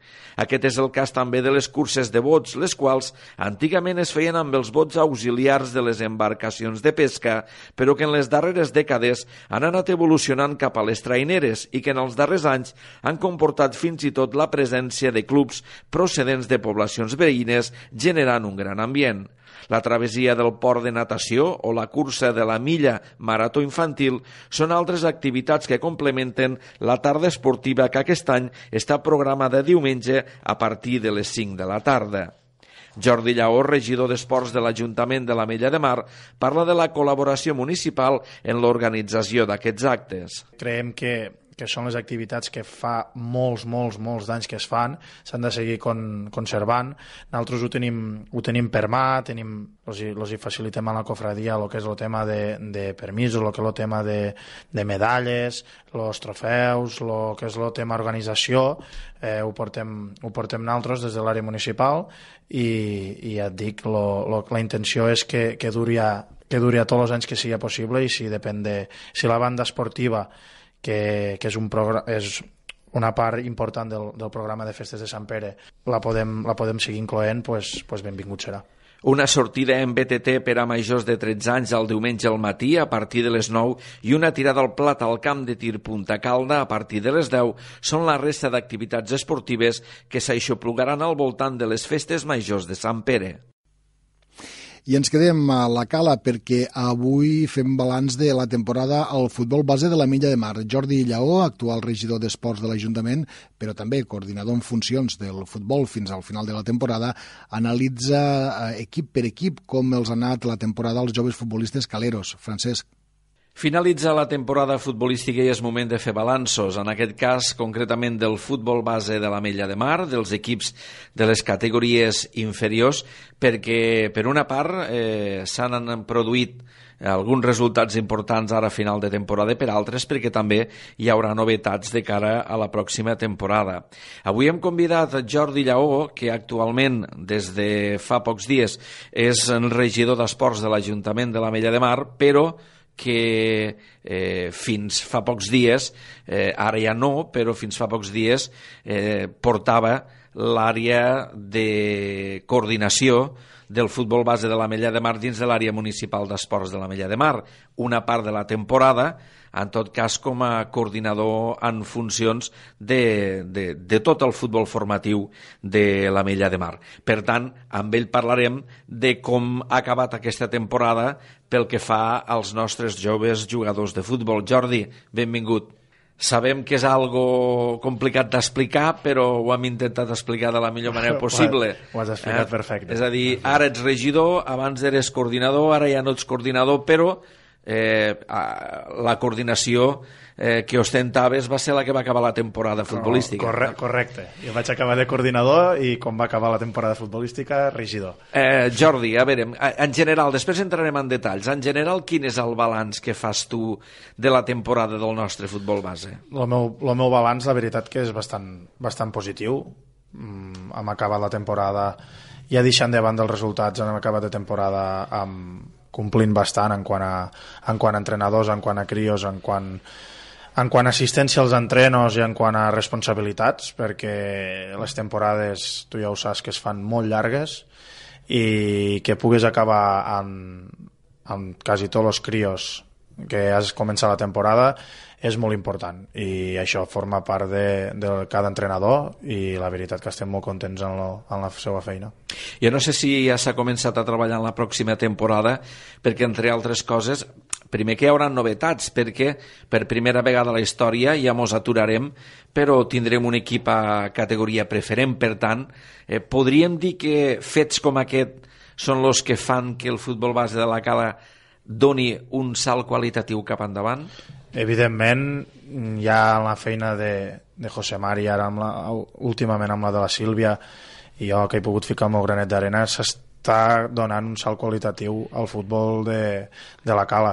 Eh, en vista ho tenim els resultats, com dius tu, tindrem l'any que ve per primera vegada a la història, que no és poc, eh, de la Cala un equip a preferent, mm, llavors això implicarà una sèrie de canvis, este equip eh, lo portava l'Hèctor. Eh, de cara a l'any que ve ja haurem d'introduir un altre entrenador ja, ja, ja haurem de donar haurem de donar este plus. Llavors eh, la idea és seguir per esta filosofia seguir a aspirar als, cap, als puestos capdavanters de la classificació i si es pot pujar a pujar i que són experiències, són experiències noves, són experiències molt bones i ja, ja ell, els alevins tindran la gran sort, perquè és la gran sort que aquest any ho podran experimentar i esperem que d'aquí uns, uns 4 o 5 anys ens poguéssim tornar a trobar aquí i comentar que, que hi ha més equips que, que poden gaudir de la preferent. Per això, pel que fa a l'IB, si anem ja a centrar-nos en les diferents categories, aquest any només vam tindre un prebenjamí, el prebenjamí Saitonillos, eh, balanç que em fas i, i perspectives de cara a la propera temporada. Bueno, aquí ha, tant a prebenjamí com a benjamí eh, los, lo que és Consell no ens agrada fer un, un balanç eh, classificatori per a que ens entenguéssim. Llavors eh, te bases més en les opinions dels, de les mares i dels pares i de, i de l'entrenador. Les sensacions o dels entrenadors, les sensacions són bones, s'acaba la temporada molt bé, estem en un any que, que el Crio ha d'experimentar moltíssim en el futbol, ha de saber tot el que li queda per, a, per davant, que no és, que no és poc, i, i crec que els, que el principal en esta, en esta data és, és tindre'ls ficar-los el, el cuquet del futbol a dins el, els crios i crec que, que la veritat que s'ha aconseguit. Els dos benjamins, la, tenim el Benjamí Llobarrets al, al Consell, que Dani per mi ha fet una, una molt bona feina, ha passat, va passar primera ronda dels tres, dels tres primers, llavors al, a la segona ronda pues, a veure, te trobes ja en els forts i hi ha molts equips, en, en molts de crios de, de segon any, nosaltres vam, hem competit amb, amb, amb els de primer, amb tot, tot equip de primer any, menys, menys l'Adam, menys un xiquet. Llavors, eh, per mi la feina de Dani és molt bona, és molt bona, i el federat, pues, segona que, posició. Què t'he de dir? De segona posició detrás de, del Tortosa, acabant la temporada d'una manera que ni jo m'esperava, perquè aquí estàvem fa unes setmanes parlant de que si els Roquetes, de si no sé què, va vindre aquí els Roquetes i els crios van guanyar 7 a 1 van guanyar 7 a 1 quan se jugava en la segona plaça i allí havien perdut a la primera volta 3 a 0 llavors van acabar la temporada que més content no puc, no puc estar. Van guanyar també el torneig Valors que no és la Copa Primavera però, però algo és algo. I, i la veritat que molt content en este grupet que han format i ja veureu com, com d'aquí uns anys mos, don, mos seguiran donant alegries. Eh, hem parlat de l'Alevia, l'Alevi B continuarà disputant la Lliga a la segona divisió. En tot cas, aquesta temporada ha sigut una temporada prou regular per l'Alevi B, no? Sí, això hem acabat en una a mitjan taula. Eh, hem, de, mm, hem de tindre en compte que que són els crios que per d'aquella edat que, que els entrenadors a començament de temporada veuen una mica menys d'aptitud respecte al, als que es queden a l'A llavors eh, partint d'esta base crec que s'ha fet una bona campanya i se, sempre hi ha coses millorables sempre i en, en aquesta línia hem de, hem de seguir. Infantil un equip que ha finalitzat eh, 6 o 7 la Lliga però qui ha acabat guanyant la Copa Primavera? L'infantil era una, una plantilla que ens feia una mica de, de respecte perquè és de les més curtes del, del futbol base. Llavors eh, s'ha acabat, en, crec que, que en una meritòria Copa Primavera perquè sí que no vam ser els regulars que ens esperàvem durant, durant la Lliga, però, però acabar amb la Copa Primavera i a, i a camp rival quan crec que no érem els favorits d'aquella Copa Primavera mm, notable alt tirant tirant a excel·lent eh, L'any que ve es planteja un sol equip encara de categoria infantil? Sí, sí si, si no és que ens veiem molt, molt desbordats eh, de crios la idea és, és només fer un infantil seguir militant a la primera divisió i esperem que aspirant ja et dic, eh, en qüestió de 3-4 anys hem d'aspirar a, a jugar més amunt i aquest any és una, crec que és una molt bona oportunitat per a, per aspirar a dalt. I després tenim el cadet, que al final en una, en una temporada molt irregular va fer una bona estirada a l'últim moment i va acabar quart, és veritat que, que lluny de les posicions que donaven lloc a l'ascens o a la promoció però va acabar en una meritòria quarta posició i que també ha acabat finalitzant eh, com a campió de la Copa Primavera i per dos temporades consecutives. Sí que és, sí que és veritat que, que quan, com, com bé tu dius, quan quedaven 6 o 7 partits te miraves la classificació del cadet i, i te feia mal perquè, perquè veies que el treball era bo, que l'actitud dels crios era la correcta i no hi ha, mala, no hi ha gens mala, de mala plantilla, al contrari, llavors dies mm, no podem anar tan a baix. I mira, eh, després de Setmana Santa, com aquell que diu, va, va pegar l'estirada a l'equip, entre abans i, i després de, de Setmana Santa va pegar l'estirada a l'equip i va acabar en una quarta posició que, que crec jo que és el que havíem d'acabar. Era, era el, el que no era normal era estar de mit en taula per avall i, i es va acabar al damunt mm, també conquerint la Copa Primavera que el mèrit va ser d'ells que es van enfrontar a la primera ronda amb els que van quedar per dalt a les, a les diferent, als diferents grups de, de cadet i una vegada van passar la, la primera ronda no va ser fàcil, no va ser fàcil, clar que no, però es va acabar també aconseguint la Copa Primavera. Això ve a demostrar una mica que si traem o si apartem els equips eh, diguéssim que punters i mos senyim als equips terrenals, és a dir, si deixem de banda equips com el Tortosa, com l'Amposta, com la Rapitenca, que sabem tots que els seus equips A les confeccionen fitxant jugadors de tot arreu, i mos senyim als equips que eh, normalment tenen la majoria jugadors de casa, és a dir, estem parlant de Ulldecona, estem parlant de la Mella de Mar, estem parlant de, de, de l'Alcanar, estem parlant de l'Ampolla, estem parlant de, del Camarles, de, de tots aquests equips així, de l'Ebre Escola, podem dir que estem dels de dalt? Podem dir que estem dels de dalt, però ja et dic, eh, l'ambició nostra ha de ser eh, viure amb això, ha de ser superar el que ells tenen, com bé tu dius, eh, són equips confeccionats amb, amb, amb el milloret que tenen pel voltant i el, pel que no és el voltant llavors eh, hem de conviure en això i són crios de la mateixa edat i són crios que, que, que per què no podem acabar tenint les, mateixes aptituds que, que tenen estos crios. Això és, treballar, és treball de l'entrenador, és treball de la coordinació, és treball d'anar ficant d'anar millorant tot això, de, de fer un saltet de, de qualitat a, a, a, i acabant competint contra, contra estos equips amb el doble de mèrit, perquè ho faràs en el que tens a casa. Eh, parlar del juvenil ja és una altra història, ja depèn del club, no? Ja depèn del club. Doncs Jordi, escolta, moltes gràcies. Moltes gràcies a vosaltres.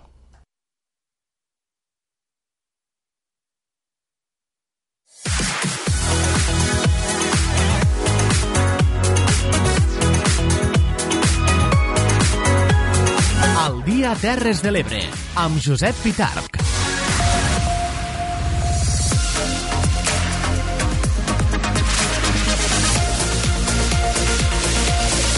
Al dia, les notícies de les Terres de l'Ebre. Comencem ja el repàs de titulars eh, d'aquest eh, dijous, d'aquest 27 de juny. Anem a saber com estan les notícies a les nostres terres. Continua actiu el foc de la Ribera d'Ebre, que hi ha cremat prop de 5.000 hectàrees i ha obligat a evacuar 53 persones. Els agents rurals preveuen tancar els accessos als ports de Tortosa demà divendres davant del risc elevat d'incendis. Accident mortal al Pinell de Brai envolcar un camió de gran tonatge. El republicà Javier Faura es convertirà en el president del Consell Comarcal del Baix Ebre gràcies a l'acord amb Movem Terres de l'Ebre. Baixen prop d'un 5% els fets delictius en l'últim any a la Mella de Mar. Tres autobusos de les Terres de l'Ebre es desplaçaran a l'acte Omplim Estrasburg el proper dimarts 2 de juliol. Denuncien una empresa per comercialitzar 11.300 quilos de musclos d'origen grec com a producte del Delta de l'Ebre. Roben la imatge de guix de la Verge de la Capelleta de la Mare de Déu de la Pietat d'Ulldecona. Una exposició recordarà la història de l'Escola del Pòsit de la Mella de Mar. L'Oficina de Turisme de la Ràpita aconsegueix la Q de qualitat turística. El Centre Fluvial del Delta acollirà este divendres l'acte de reconeixement a l'esforç acadèmic de l'alumnat del municipi. I també destacarem que la CUP d'Alcanar denuncia la manca d'informació davant de l'actual gestió de recollida d'animals a la població.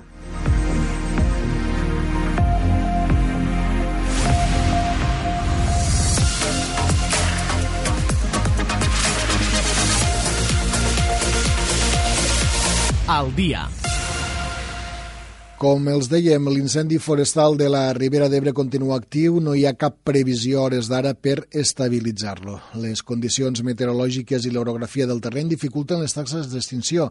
La prioritat dels bombers de la Generalitat és la part baixa del flanc dret de l'incendi, on al llarg del migdia ha hagut algunes represes. També es continua treballant per ancorar el foc a la carretera C12. Les flames no l'han traspassada de moment. També s'està treballant en la meitat nord del flanc dret, en una zona molt abrupta dubte, en aquesta zona els bombers estan eixamplant camins per facilitar l'accés dels vehicles. Hores d'ara, a la zona treballen 90 dotacions terrestres dels bombers de la Generalitat, 11 mitjans aeris, que són un helicòpter de comandament, 5 helicòpters bombarders, 4 avions de vigilància i atac, un hidroavió del Ministeri d'Agricultura, Pesca i Alimentació, i en les properes hores s'espera l'arribada d'un parell d'avions i dos helicòpters més de la comunitat de Castilla-La Manxa. A la zona afectada també hi ha 30 unitats del cos de Mossos d'Esquadra pertanyents a la unitat de seguretat ciutadana Trànsit i Arros i efectuen els talls de carreteres i participen en el desallotjament que indiquen els operatius de l'incendi.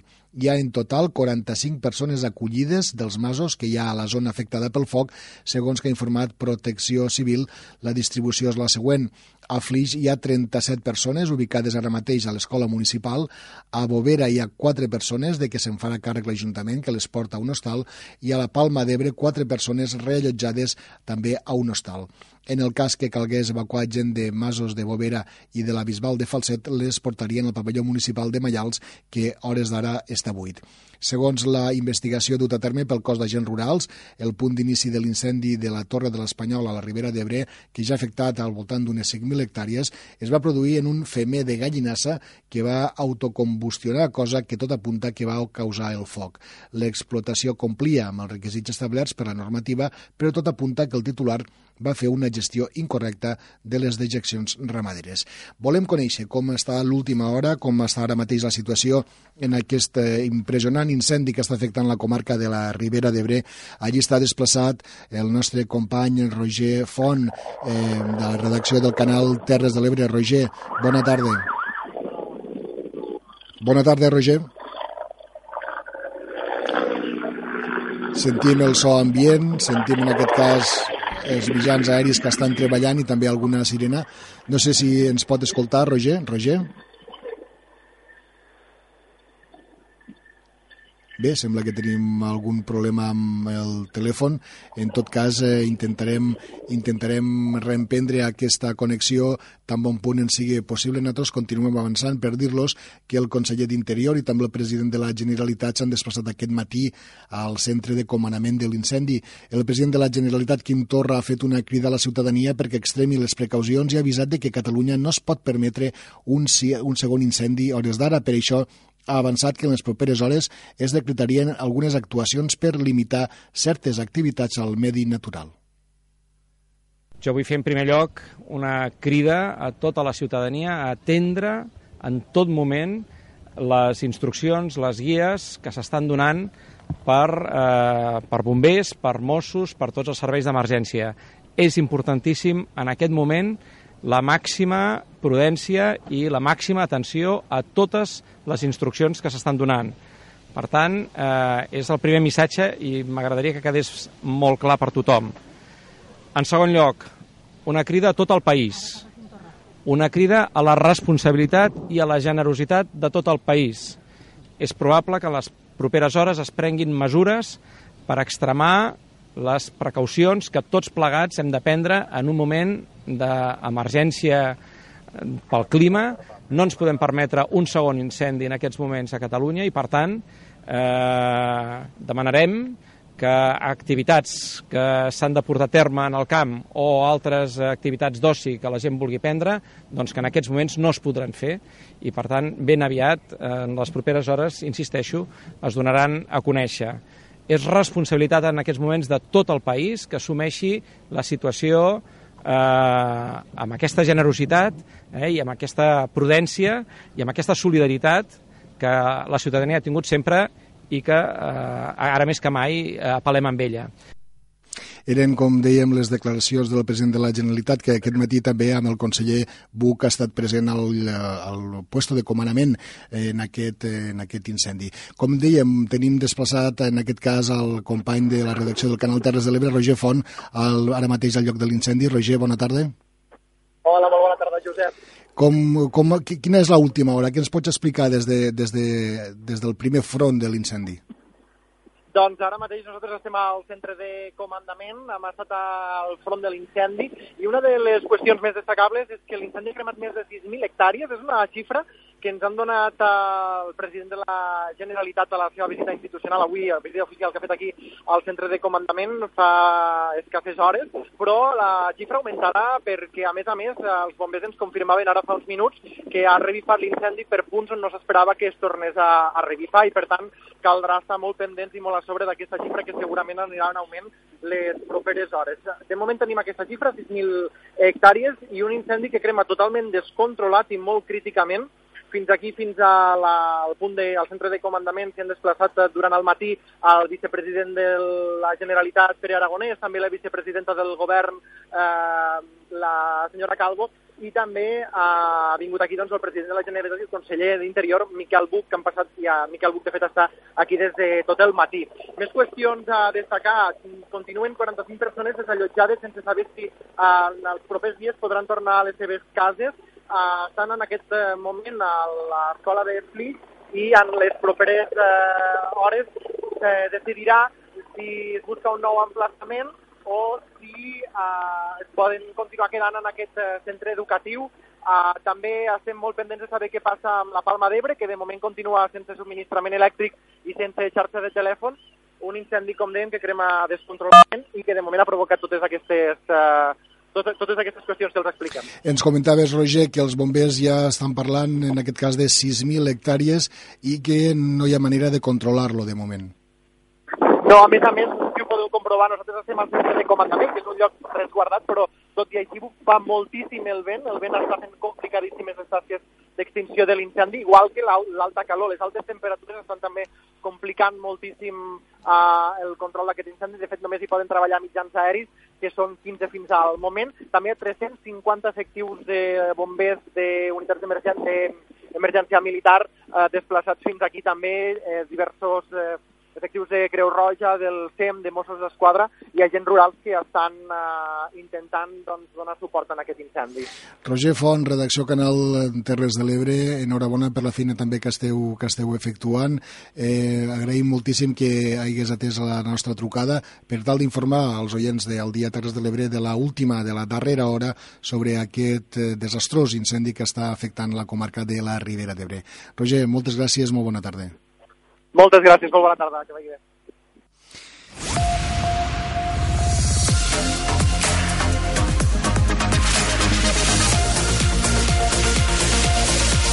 Al dia. Continuem amb més continguts i també hem d'anar a una mala notícia, nou accident mortal a les carreteres de, la nostra, de les nostres terres, en aquest cas a la carretera C43 entre Benifallet i el Pinell de Brai, a la Terra Alta. Segons que ha informat el Servei Català de Trànsit, l'accident s'ha produït a l'alçada del punt quilomètric 3 d'aquesta carretera, de la C43, a un quart de 12 del migdia d'avui. En l'accident s'ha vist implicat un sol vehicle, un camió que ha patit una sortida de via i ha deixat almenys una víctima mortal. Segons que ha informat el sistema d'emergències mèdiques, el SEM, el conductor del vehicle pesant ha perdut la vida com a conseqüència de l'accident, mentre que una altra persona ha quedat atrapada a l'espera de la valoració del seu estat.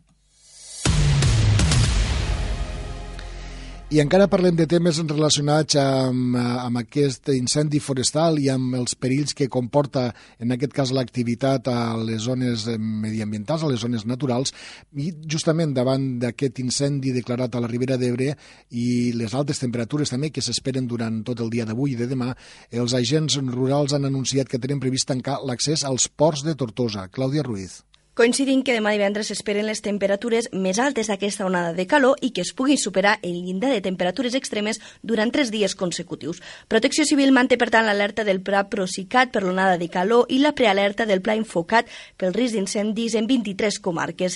Recordem que ens trobem en una situació de baixa humitat i de condicions de sequera en la vegetació que fa que augmenti el risc d'incendis com el que es troba actualment a la Ribera d'Ebre. Per això, entre d'altres mesures, s'ha decidit tancar l'accés a alguns massissos, entre ells el dels ports a Tortosa Tortosa, que s'esperi que es trobi restringit al pas demà divendres. De fet, el president de la Generalitat, Quim Torra, ja ha avançat que el govern prohibirà activitats a l'aire lliure, ja sigui de treball o d'oci, durant els pròxims dies per la situació d'emergència, pel clima, per evitar que es pugui declarar un altre incendi. Una crida a tot el país, una crida a la responsabilitat i a la generositat de tot el país. És probable que les properes hores es prenguin mesures per extremar les precaucions que tots plegats hem de prendre en un moment d'emergència eh, pel clima. No ens podem permetre un segon incendi en aquests moments a Catalunya i, per tant, eh, demanarem que activitats que s'han de portar a terme en el camp o altres activitats d'oci que la gent vulgui prendre, doncs que en aquests moments no es podran fer. El president de la Generalitat també ha demanat a la ciutadania atendre les instruccions que s'estan donant els diferents serveis d'emergències i de seguretat. En les properes hores anirem seguint com evoluciona aquest, eh, aquest incendi i també eh, la repercussió que pot tenir si, si és que eh, els bombers no, no acaben de controlar-lo tal com ens avançava ara aquesta connexió en directe el nostre company Roger Font. Nosaltres hem de parlar d'altres qüestions. En aquest cas, dir-los que la Guàrdia Civil ha immobilitzat milers de quilos de musclos que havien estat etiquetats amb un distintiu del Delta de l'Ebre quan en realitat tenien el seu origen a Grècia. Malgrat d'això, l'empresa denunciada igualment els va introduir al circuit comercial. Leonor Bertomeu. Agents del Seprona de la Guàrdia Civil i la Inspecció dels Departaments de Salut i Pesca han denunciat una empresa de bivalves del Delta de l'Ebre després de detectar que tenia a les seues instal·lacions 11.300 quilos de musclo d'origen grec que es comercialitzaven com a producte del Delta de l'Ebre. Els musclos importats amb un menor valor econòmic a Grècia eren etiquetats amb el distintiu de producte originari del Delta de l'Ebre per enganyar el consumidor. El Seprona, després de detectar el molusc, van immobilitzar el producte a l'espera de la inspecció del Departament de Salut. Malgrat això, l'empresa denunciada va vulnerar esta immobilització i els va introduir al circuit comercial. Davant d'això, l'Agència Catalana de Salut Pública ha traslladat la denúncia a consum perquè actue d'acord amb la normativa de qualitat alimentària per frau al consumidor. De la crònica política destacarem que l'acord al Consell Comarcal del Baix Ebre entre els 11 consellers d'Esquerra Republicana i els dos de Movem Terres de l'Ebre convertirà en el proper 8 de juliol a Javier Faura en el seu nou president, Clàudia Ruiz. Als republicans els faltaven dos consellers més als seus 11 representants sortits de les urnes del 26 de maig per aconseguir la majoria absoluta i que han trobat en un acord amb Movem Terres de l'Ebre. Segons els republicans, Movem Terres de l'Ebre és l'únic partit amb qui es senten còmodes per governar. Els propers quatre anys desplegaran les seves polítiques en sis àrees, activació econòmica i esports, governació i hisenda, actuació sobre territori, gestió ambiental i sector primari i servei a les persones, totes elles controlades pels republicans, a excepció de l'àrea d'ensenyament, joventut, cultura Cultura i Turisme a càrrec dels de Movem. El futur president Xavier Faura ha explicat que les seves polítiques tindran en compte tots els pobles de la comarca. Un, uh, un acord per que hi hagi un canvi substancial en la manera de fer política al Consell Comarcal. La idea és treballar per a tots els pobles i ciutats de la comarca i, per tant, eh, fer aquesta feina eh, d'una manera eh, global per a tothom, en independència del color polític que governa a cada un dels pobles de la comarca del Baix Ebre. Per la seva banda, des del partit de Movem Terres de l'Ebre, Jordi Jordan ha destacat que es tracta d'un acord que ha de portar un canvi al Consell Comarcal. És un acord que podríem dir d'esquerres i de progrés per al Consell Comarcal, també de canvi. Jo crec que en tota el que ha sigut la democràcia al Consell Comarcal de, del Baix Ebre pràcticament sempre ha governat eh, l'antiga Convergència i Unió, PDeCAT, avui dia Junts per Catalunya, exceptuant un període de, de dos anys, i per tant, almenys des de Movem Terres de l'Ebre, considerem que és positiu també que en aquesta institució comarcal hi hagué un canvi. Jordan ha destacat també l'objectiu del govern, que és el de millorar la qualitat de vida dels ciutadans amb polítiques de justícia social i dona també importància a la transparència, diàleg i la participació com a pilars bàsics d'acció de govern.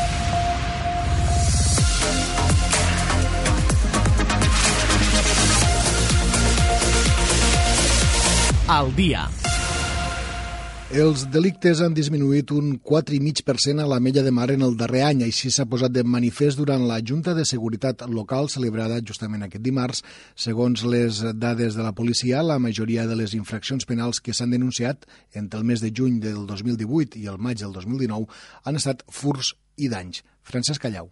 En aquest període han baixat un 10,1% els robatoris amb força respecte al mateix període de l'any anterior. El descens és d'un 20,4% si ens fixem només en domicilis i més rellevant és encara la disminució de robatoris amb violència que es redueixen amb un 40% i que s'han pogut resoldre tots. De fet, el nombre de detencions ha augmentat un 23,6% en l'últim any. Aquestes són les xifres més destacades del balanç presentat en la Junta de Seguretat Local que constaten la reducció progressiva del nombre de delictes. El regidor de l'Ajuntament de la Mella de Mar, Joan Manel Tello, apunta que la bona coordinació entre els diferents cossos de seguretat permet seguir baixant els índexs de fets delictius. Com a resum, el que podríem dir és que seguint la tendència de la resta d'anys, tal com ho pugui comprovar a la Junta Local de Seguretat, que m'agradaria... Que, que és clar que les dades són dades de, de les actuacions eh, conjuntes també de cossos, de, dels cossos de Mossos d'Esquadra i de policia local, no són dades només d'un cos o de l'altre. I bàsicament això, la, el titular pues, seria que, les, que segueix la tendència a la baixa amb, amb fets delictius fruit, evidentment, de, doncs, de la bona col·laboració i de, i de la bona feina i professionalitat tant de, de Mossos d'Esquadra com de, com de policia mm. local. La Junta, presidida per l'alcalde i amb la participació dels màxims responsables locals dels cossos policials, també va servir per acabar de perfilar els plans operatius entre la policia local i els Mossos d'Esquadra de cara a la temporada turística. L'objectiu d'aquesta coordinació permanent és seguir millorant la seguretat ciutadana. I ja que parlàvem de fets delictius, hem de dir també que l'Ajuntament d'Ulldecona ha denunciat el robatori de la imatge de guix de la verge de la capelleta de la Mare de la Pietat del municipi. Judit Castells. El robatori s'hauria produït la nit de dimarts 25 de juny al dimecres 26 a la capelleta de la Mare de Déu de la Pietat d'Uit de Cona. Des de l'Ajuntament se van adonar que alguna cosa havia passat el dimecres al matí i de seguida van denunciar davant els Mossos d'Esquadra el robatori de la imatge de guix policromada de la Mare de Déu de la Pietat, situada al peu de la carretera que va d'Uit de Cona a Tortosa. L'alcaldessa assegura que la imatge no té un alt valor econòmic, ja que és dels anys 40-50 i en aquells temps eren unes imatges que se feien en cadena, però assegura que té un alt valor sentimental. Parla Núria Ventura, alcaldessa d'Uidecona té un alt valor sentimental per a tota la gent d'Ulldecona i del nostre territori, més enguany que són eh, festes quinquenals al setembre per tant eh, el motiu precisament de les festes és l'homenatge a la Mare de Déu de la, de la Pietat i eh, té més valor sentimental que econòmic. Ventura ha volgut enviar un missatge a la ciutadania perquè entre la col·laboració de tots la puguin recuperar. Sí que des d'aquí fem una crida que si algú coneix, ha vist alguna cosa o té alguna notícia al respecte o inclús si ens està veient qui, qui se l'ha emportat, evidentment que la retorne al seu lloc que li pertoca. Les investigacions de moment continuen en mans dels Mossos d'Esquadra. Més temes. L'Assemblea Nacional de Catalunya ha organitzat un acte el proper dimarts a Estrasburg per tal de donar suport als eurodiputats Puigdemont i Comín. De les Terres de l'Ebre es preveu que sortiguen tres autobusos, dels quals un serà de Deltebre i de Sant Jaume d'Enveja. Leonor Bertomeu. Les assemblees de l'ANC de Deltebre i Sant Jaume els Montells han organitzat un viatge en bus el pròxim dimarts 2 de juliol a Estrasburg, coincidint amb la Constitució del Parlament Europeu. L'objectiu és assistir a l'acte Omplim Estrasburg, organitzat per l'ANC per tal de donar suport als tres eurodiputats independentistes, Carles Puigdemont, Toni Comín i Oriol Junqueras, que han rebut el suport de 2,3 milions de ciutadans a les urnes i defensar els seus drets polítics. La primera convocatòria serà a les 9 del matí per acompanyar els eurodiputats quan entrin al Parlament Parlament Europeu i més tard, a les 12, es farà un acte central al pont de Joseph Beck, al qual ja ha confirmat la seva assistència el president de la Generalitat, Quim Torra. L'autobús sortirà de Deltebre en direcció a Estrasburg el dilluns 1 de juliol a les 3 de la tarda per poder estar a l'endemà a les 8 al Parlament Europeu. Lluïsa Adell és membre de l'ANC Deltebre Sant Jaume els Montells. Fem trajecte, no, no farem parada per dormir, sinó que anem directament a Estrasburg per a poder estar allà a les 8 del matí, perquè de fet uh mhm. -huh. és quan hem d'estar tots con, concentrats a, a la, davant del Parlament Europeu. I llavors, sí, quan s'acabi tota la, la concentració, tindrem una estona de d'esbarjo i de, de, de poder estar i mirar una mica a Estrasburg, conèixer Estrasburg, es preveu que des de les Terres de l'Ebre es desplacen fins a tres autobusos per a l'acte Omplim Brussel·les del pròxim dimarts. Les places del bus es poden reservar a l'agència de viatges Nemon de Deltebre. Més temes. L'Oficina de Turisme de la Ràpita ha obtingut la certificació del segell Q de qualitat turística. Es tracta d'un segell atorgat per l'Institut per a la Qualitat Turística Espanyola que reconeix l'esforç realitzat per les empreses i institucions turístiques en la implantació d'un sistema de qualitat. Clara Seguí. L'Oficina de Turisme de la Ràpita, després d'un gran treball per complir amb les exigències del sistema de qualitat turística de l'ICT, s'ha certificat amb aquest segell sota el qual s'emparen el conjunt de productes turístics que compleixen amb uns nivells de qualitat exigits recollits en les normes de qualitat de serveis i que asseguren estar treballant en la millora contínua dels mateixos a fi de complaure en tot moment les exigències dels seus clients. Aconseguir aquesta Q turística també comporta l'obtenció de la certificació europea ISO 182.001 de gestió. A Catalunya són set les oficines de turisme que han aconseguit certificar-se amb aquest segell de qualitat. L'oficina de turisme de la Ràpita passa així a ser la única oficina de turisme que sostenta aquesta certificació de qualitat a la província de Tarragona. És una bala a la qualitat del servei i s'obté com un pas més en el camí iniciat per arribar a ser una referència en el sector. La resta d'entitats certificades són l'Agència de Desenvolupament Econòmic i Turisme, l'Oficina de Turisme de l'Aeroport Girona Costa Brava, la Santa Susana i la de Tossa de Lloret de Mar i més reconeixements perquè l'Ajuntament de Deltebre farà un reconeixement, en aquest cas, al treball realitzat durant el curs escolar per una seixantena d'alumnes de les tres escoles del municipi, de l'Institut i de l'Escola Municipal de Música. Leonor Bertomeu. El Centre Fluvial del Delta acollirà este divendres l'acte de reconeixement a l'esforç acadèmic de l'alumnat del municipi. Enguany, l'acte canviarà d'ubicació, ja que tradicionalment es venia celebrant a la plaça de l'Ajuntament i en l'acte es reconeixerà el treball realitzat durant el curs per una seixantena d'alumnes de les tres escoles del municipi, l'Institut i l'Escola Municipal de Música. El regidor d'Ensenyament de l'Ajuntament de Deltebre, Carlos Serra, ha insistit que l'objectiu de l'acte no és premiar l'excel·lència, sinó el treball i l'esforç de l'alumnat també cal reconèixer i cal valorar més l'esforç que no pas l'excel·lència. És a dir, sí que l'excel·lència pot té el seu valor afegit, però també és molt important que aquella persona, no, aquell alumne, aquell xiquet i xiquita, que s'ha esforçat molt durant tot el curs, el que volem és potenciar, gratificar i, d'alguna manera, reconèixer que en l'esforç acadèmic pues, s'aconseguís tot allò que es planteja. L'acte de reconeixement a l'esforç acadèmic serà este divendres a les 8 de la tarda al Centre Fluvial del Delta. I un darrer apunt per dir que la CUP d'Alcanar ha denunciat i qüestiona qui gestiona a hores d'ara el servei de recollida dels animals al terme municipal després de que l'actual govern anunciés que rescindiria el contracte amb el Corralet set dies abans del venciment del contracte. Clara, seguir. En plena campanya electoral i a través de la premsa, la regidoria de Salut d'Alcanar va fer públic que rescindia el contracte amb Sepro Animal Corralet, l'empresa encarregada del servei de recollida d'animals al canal Les Cases i al Canà Platja.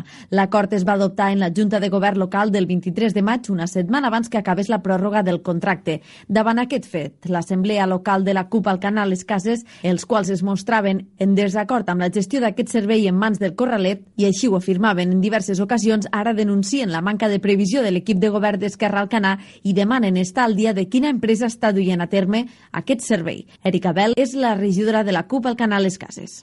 Que el dia 31 de maig aquesta empresa deixa, deixa de gestionar el que és la recollida d'animals al canà i des del dia 1 de juny fins a data d'avui no sabem què està fent, què està fent esta, esta recollida, ni com s'està fent este servei, ni si s'està fent. Recordem que la llei catalana obliga que els municipis tinguen, tinguen este servei.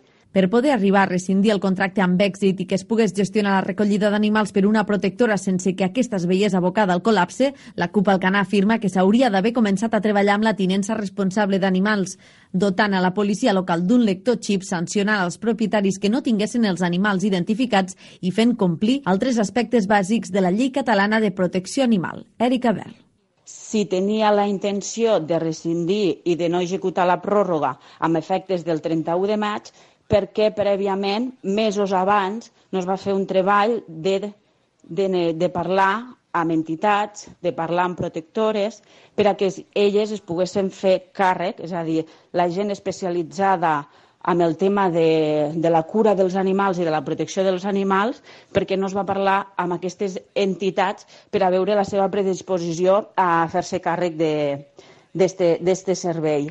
La CUP al Canà denuncia també la viabilitat de tenir una protectora a nivell comarcal, un punt punt que apareixia en el seu programa electoral. A més, afirmen que hi ha una necessitat de fer pedagogia i campanyes de conscienciació a la ciutadania sobre la tinença responsable d'animals.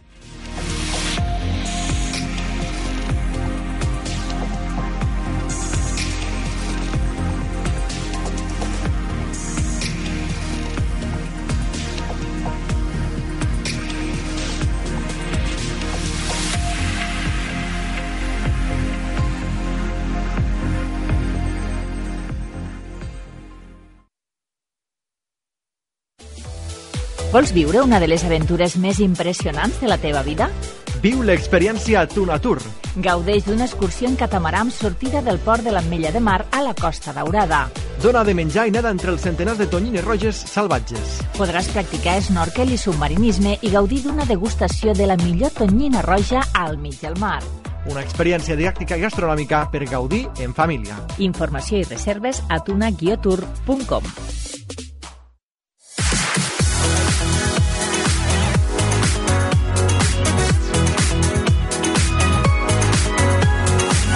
Dia Terres de l'Ebre, amb Josep Pitarc.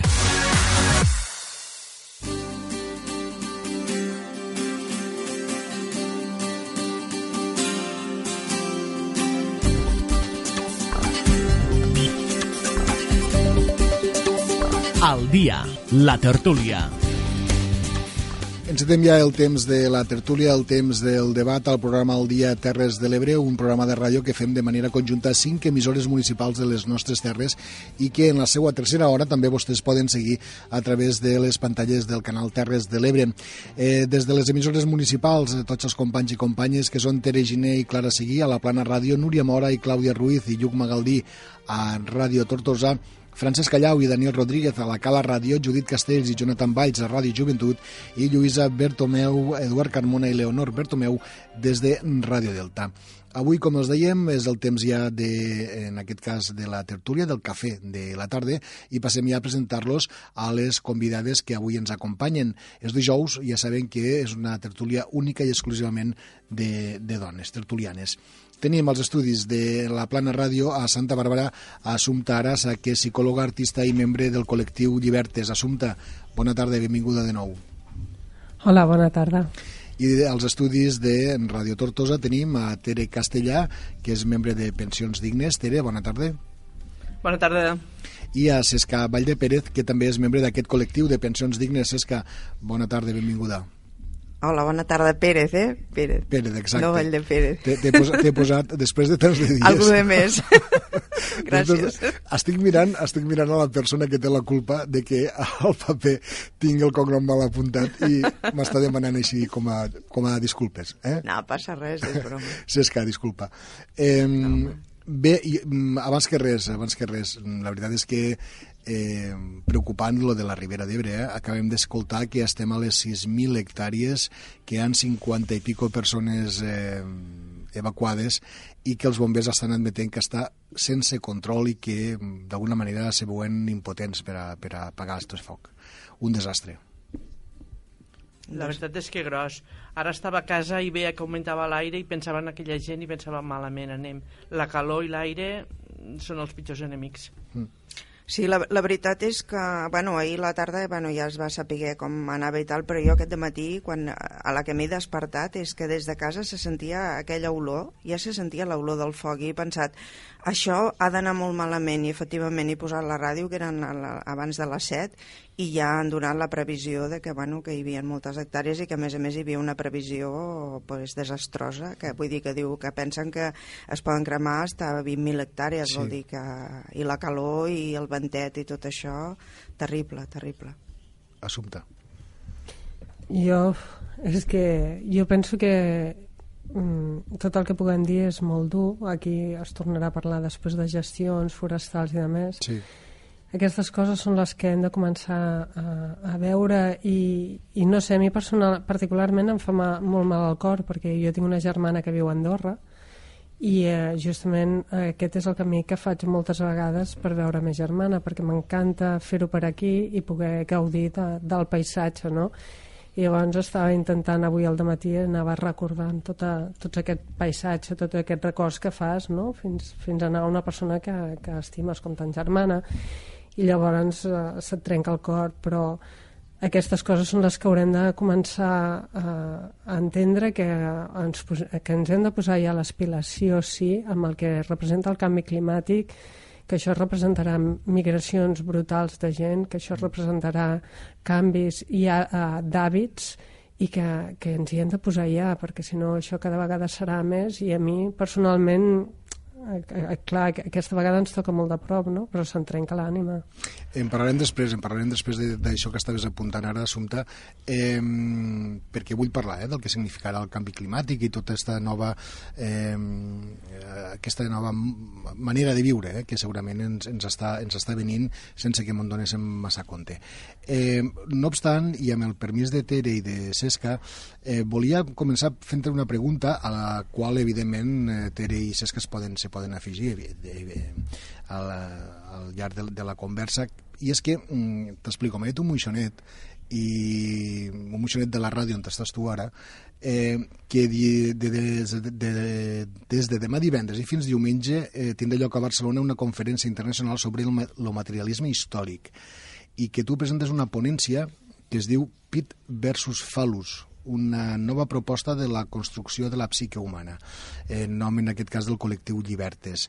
Mm, de què va esta, esta ponència? Bé, aquesta ponència eh, neix de, de... Bé, jo personalment sóc psicòloga, però em dedico a, a un altre vessant, que és la cognitiu-conductual, però evidentment mm, no pares de, de donar voltes una mica entorn a, a, altres, a altres branques de la mm. mateixa psicologia i llavors eh, he fet diferents cursos d'especialització en psicoanàlisis i clar, no, el cap no para de donar voltes de com, com és possible que una persona arribi a construir eh, la, seva, eh, el seu, la seva psique en el sentit de com sóc capaç jo com a persona, petita persona aquí al món, de construir-me la mirada de l'altre. Eh, això ho explico molt senzill. Eh, tot i que sembla molt fàcil, perquè ho fem quasi tothom o tothom, no és gens fàcil aquest procés de que jo, per exemple, eh, ara que sortim per la tele avui no, no em despullaré i continuaré parlant aquí per molta calor que tingui i això no ho faig perquè sé que hi ha gent que m'està mirant i eh, emetran un judici de valor sobre aquest, aquesta possible acció que faré jo. Doncs bé, com sóc capaç jo d'integrar que més enllà de la meva mirada hi ha la mirada de l'altre i a més a més hi ha un judici de valor social i cultural que media aquesta mirada mm -hmm. i a través d'aquí jo faig una proposta als psicoanalistes tradicionals com Freud i Lacan després feien una proposta que era la teoria aquesta del falus no? de, de la introducció del llenguatge amb aquest falus metafòric que era allò que li faltava a la mare i que el bebè convertia en es convertia en aquesta falta mm -hmm. jo canvio aquesta visió i faig una proposta diferent i explico que un bebè quan neix és molt egoista, egoista en el sentit de que només es percep a ell i que aquesta falta, aquest principi de construcció de l'altre no arriba amb el llenguatge sinó que arriba amb, en el moment en què la mare li nega el pit en, a, en el nadó. Jo, nadó, tinc ganes de... Jo, jo existeixo per mi, només sóc jo, jo, jo i el que jo vull, i de cop i volta jo vull llet, i vull eh, carantonyes i vull estimació per part d'aquesta aquest, cosa que hi ha aquí que està per mi i de cop i volta aquest diu no, que he quedat amb les amigues i estic jugant a, no sé, al Candy Crush. Mm -hmm. I, i clar, jo nadó, de cop i volta me'n dono compte que no només la meva voluntat s'exerceix, sinó que hi ha altres voluntats que no depenen de mi. I a partir d'aquí es comença a generar aquest buit. I aquest buit és el que permetrà segons la meva teoria, a la mm. llarga donar eh, el pas a entendre la societat de fora. Bé, bueno, una eh, mica així, eh? En tot cas, en tot cas esperem que aquesta ponència vagi bé. Pit versus Falus, nova proposta de construcció de la psique humana. Demà, eh, dissabte, que la presentes tu, di, dissabte o diumenge, Assumpta? La presento el diumenge a les 10 del matí. Uh -huh. Bé, eh, en tot cas, Teres, és que mm, pel que estava dient a l'assumpte, eh, no, no sé si coincidireu també en l'aspecte que estava dient de que eh, pensem que som capaços de ficar-nos sempre en la pell de l'altre, però que el procés eh, és difícil. Home, evidentment eh, el procés és molt difícil i això, mm, segons segons ella comença, quan, quan s'és nadó, evidentment, segur que sí, però conforme anem creixent, eh, això es va desenvolupant moltíssim i jo penso que aquestes alçades de la humanitat eh, comptant de que el bebè comença al principi de la humanitat i a l'alçada la, a que estem, penso que això s'ha desenvolupat moltíssim, aquesta, aquesta visió perquè, perquè realment el que, o sigui, el que ens està passant també és una mica a, a, aquesta situació, no? és una mica de, de, de paròdia amb el que ella diu i el que, el que estem fent amb la societat, però realment jo veig una mica aquesta, no hi entenc, no hi he entès exactament molt com, com però per lo que ha explicat i la síntesi que ha explicat faig una mica la conversió a, diguéssim, a, a lo que és la societat i el que ens està passant. Mm -hmm. Aquella mirada quan, quan realment les coses no van com nosaltres nosaltres volem i, i aqu aquella mirada i aquell desconcert que es produeix a la, a la, a la societat i, i penso que amb un bebè i a la societat està passant actualment és el que jo interpreto una mica així eh, si tots, de tot això si tots Tere, tinguéssim la capacitat de posar-nos en, la, en la pell dels altres segurament que les coses anirien, anirien diferents Sí, eh? el que passa que jo particularment crec que moltes vegades sóc incapaç de posar-me la pell del, dels altres i a més, com més gran em faig crec que menys i sóc menys flexible i moltes vegades no ho entenc i dic, mira, doncs ho sento, hasta, fins aquí arribo. Per tant, no em considero molt capaç ni moltes vegades de, de posar-me la pell dels altres. Sí que hi ha coses que m'emocionen, que em motiven, que no sé què, però eh, punt de vista d'altres persones hi ha moltes vegades que no els comprenc. No sé si es comprèn massa, la... bueno, sí que es comprèn, per desgràcia, la imatge mm, que estos dies ha sortit a tots els mitjans de comunicació, a tots els diaris, a totes les eh, televisions, d'este pare de 24 anys, Òscar, i de la seva xiqueta de dos anys, de dos anyets, Valeria, ella dins de la camiseta del seu pare, agafant-lo pel coll, i els dos amb panxa cap avall, al riu Bravo, eh, a Mèxic. Eren un pare, una família del Salvador que bé, van arribar a Mèxic per intentar creuar cap als Estats Units. Eh, recorda una mica les imatges de, de, de Síria no? i del, del xiquet aquell aïllant que van veure a la, a la platja amb els seus pantalonets i la seva camiseta i tornem a tindre una imatge d'estres davant dels ulls. A veure, eh, tenim aquesta imatge davant dels ulls que jo, bueno, abans estàvem parlant d'aquest tema de l'empatia, mm, jo no sé, però a mi aquesta imatge, mm, cada vegada que la veig, eh, bueno, no sé, no, no sé explicar el que sento perquè és una sensació que, no, que em costa molt d'explicar, no? però eh, penso que, que estem tenint moltes senyals de lo, que, de lo que està passant perquè ara mateix podem pensar que això és una deriva de la política del Donald Trump aquesta, això que ha passat aquí. Però, eh, a part de que és molt crua i és una imatge terrible i, i bueno, és que no, no es pot explicar, pensem que hi han tantes senyals perquè i a Europa què està passant al Mediterrani? Quants morts estem tenint al Mediterrani? Eh, jo què sé, després també pensem, ahir vaig veure un programa que parla dels, dels esclaus de la globalitat que són espanyols que van a, a Holanda en un mm. país tan civilitzat, tan perfecte, tan ric, i que hi ha espanyols que estan allà vivint en unes condicions d'esclavitud total. Llavors, eh, parlant un altre cop de l'empatia, què, és, què, estem pass què, què ens està passant?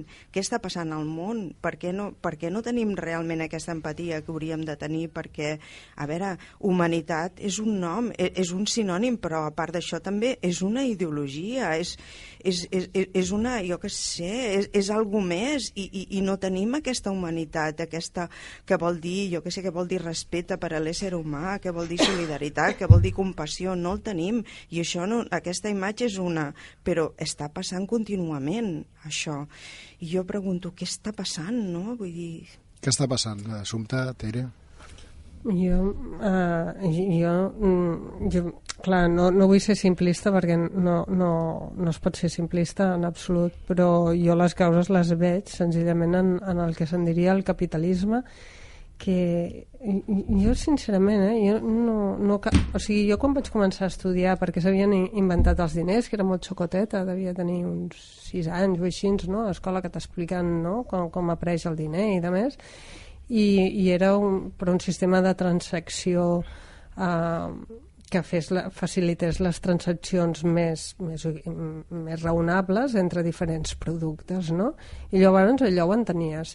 A la que arribes a la nova economia no entens res. Dius, com pot ser que nosaltres, els humans, haguem sigut capaços d'inventar un sistema econòmic que ens està a punt de destruir el lloc on vivim. Dic, no, és que no, jo, jo no, jo no ho entenc, eh?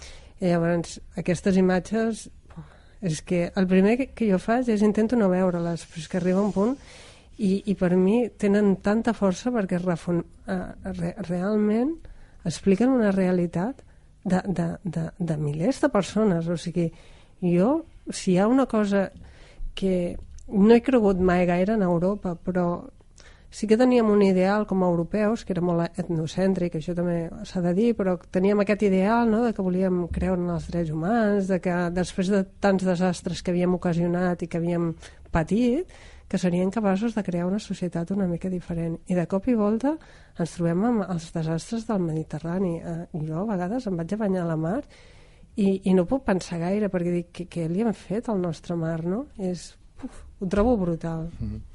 Tere. Desgraciadament jo crec que això cada dia anirà més. I, i si ho penseu, la, la gran paradoxa és que diuen que tot, les guerres del futur seran per l'escassez d'aigua i, i, i la gent està morint a l'aigua. I, i ara amb Donald Trump el que passa, crec jo, és que eh, ne parlem més d'això, però això fa anys que existeix, eh, la fam és la fam, i mentre hi ha gent que s'està morint de fam, és capaç d'exposar la seva vida per anar on pensen ells que poden tenir un futur millor per a ells i per als seus fills eh, la, la política hauria de canviar completament per arreglar això perquè, perquè és un, un fenomen mundial i jo eh, no veig qui, les grans potències que en realitat són les que dominen el món i, i ja no parlem de les potències econòmiques eh, cap interès en arreglar-ho ni això ni el que parlarem després. Eh, jo en, en això que esteu dient heu al·ludit a Trump heu al·ludit a la Unió Europea eh, vull fer dos, dos, vull deixar dos coses damunt de la taula. La primera, eh, ahir Salvini també es va arreglar de papers, com solen dir, eh? no sé si l'heu sentit, l'heu vist, però va dir que hi ha un vaixell que està, porta dues setmanes voltant per, eh, per la Mediterrània, carregat de gent que necessita atenció i que necessita baixar a terra, i ha dit que a Itàlia ni se'ls ocorrís que, que hi ha una llei que ho prohibeix i que, per tant, que se'n vagin a Brussel·les o que se'n vagin a, en vulguin en el barco, però que Itàlia no els deixarà baixar no sé què ha passat avui, eh? també us he de dir. Crec que han enviat a l'exèrcit contra el vaixell. Mm. Contra el vaixell de- Per a que no s'acosti la costa. Molt bé, és una gran decisió. I, des- Exacte. I després eh, també, per altra banda, que eh, una mica d'esperança. El capità de l'Open Arms, del Proactiva Open Arms, ha dit que ja li poden prohibir, ja li poden tancar la sí. Presó, que ell va desobeir, se'n va a la mar i mentre hi hagi gent que està morint al mar, ells se dedicaran a això, que en definitiva és el que, el que saben fer. No? Eh, per tant, una mica d'esperança també, eh, a través d'ONGs. Sí, jo crec que esperança, aquí- esperança sempre, però bueno. El que Jo passa crec que, que, que, que faran, vale, recolliran a la gent i què farem?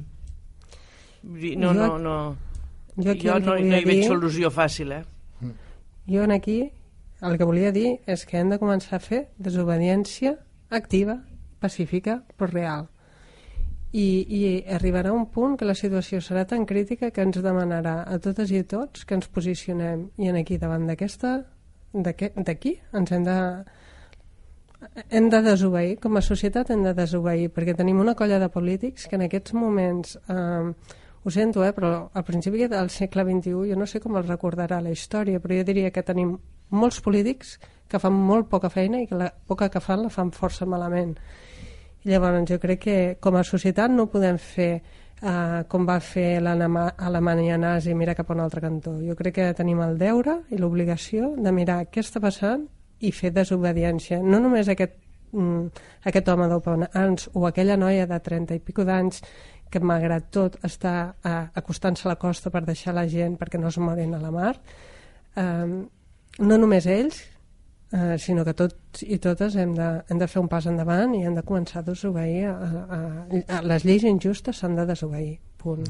Has dit una cosa, Assumpta, que eh, eh, la història com, com, els, bueno, com els tractarà, però jo em pregunto una cosa. Si tu et mires tots, ens mirem tots els diaris, els diaris d'una tendència diu una cosa i els altres diuen una altra. I, jo, i a les escoles, depèn de qui, de qui estigui, perquè ara parlarem de l'altre tema, de les escoles, Mm. eh, és una cosa o n'és una altra. Per tant, la història, la història dirà el que, el que més força hagi tingut a escriure-la el que hagi tingut més mitjans i el que hagi pogut escriure els diaris, els llibres i fer les lleis per les escoles. I això és allò que fa tanta, tanta pena. No podem pensar en la història, realment. El que hem de pensar és en el present, en- és en una vida digna. Perquè al fin i al cap, si mires la premsa i mires les notícies, cada una diu el que li interessa, sense pensar absolutament quina part ni, ni, quina, ni quin tant per cent de veritat n'hi ha amb aquella notícia que està donant.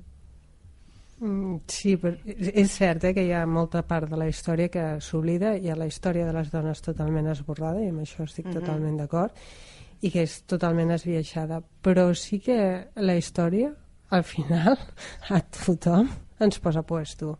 El que passa que si parlem d'històries molt recents direm potser no, però el, a poc a poc, en perspectiva, ens va posant a puesto. I només hi ha una història que ens val, i és tu davant d'un patiment de- de- d'humans, de, de planeta, de- d'animals, com et posiciones. I davant d'això no, no...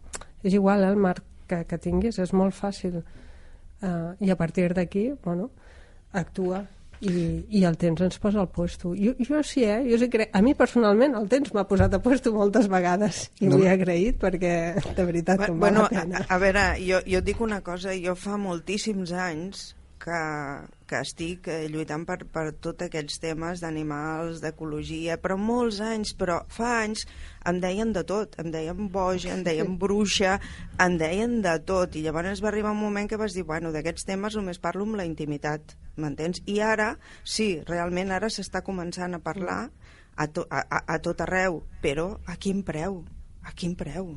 El que està passant és molt gros. No obstant, hi ha hagut una reflexió que em sembla que la feia Assumpta, que me sembla molt, eh, molt, molt procedent. Eh, dius, eh, co- com es jutjaran els habitants de, del segle XXI, com per exemple eh, el nazisme, després, quan la mateixa societat nazi se'n va donar compte de que, entre, comell, entre cometes, era culpable per, no, per mirar una altra banda, la mateixa societat alemanya després mm, ho, ho va tindre claríssim, va, va fer un acte de, de, de, de, de disculpa, no? de, de, de contricció, i va dir, efectivament, el que és la societat van fallar perquè mentre estava passant això, nosaltres no ho volíem veure o no ho volíem saber i per tant no van fer res per a impedir-ho. No?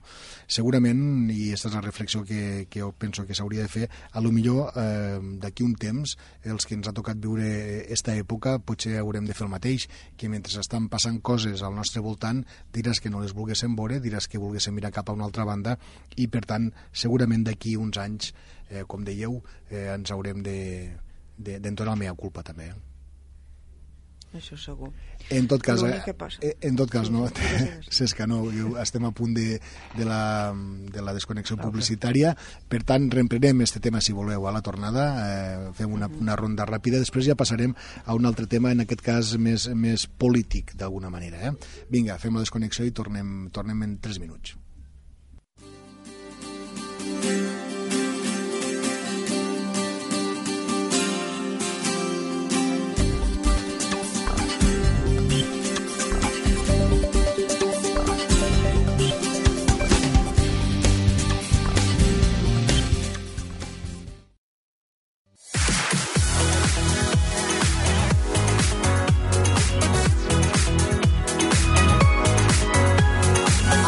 Terres de l'Ebre, amb Josep Pitarc.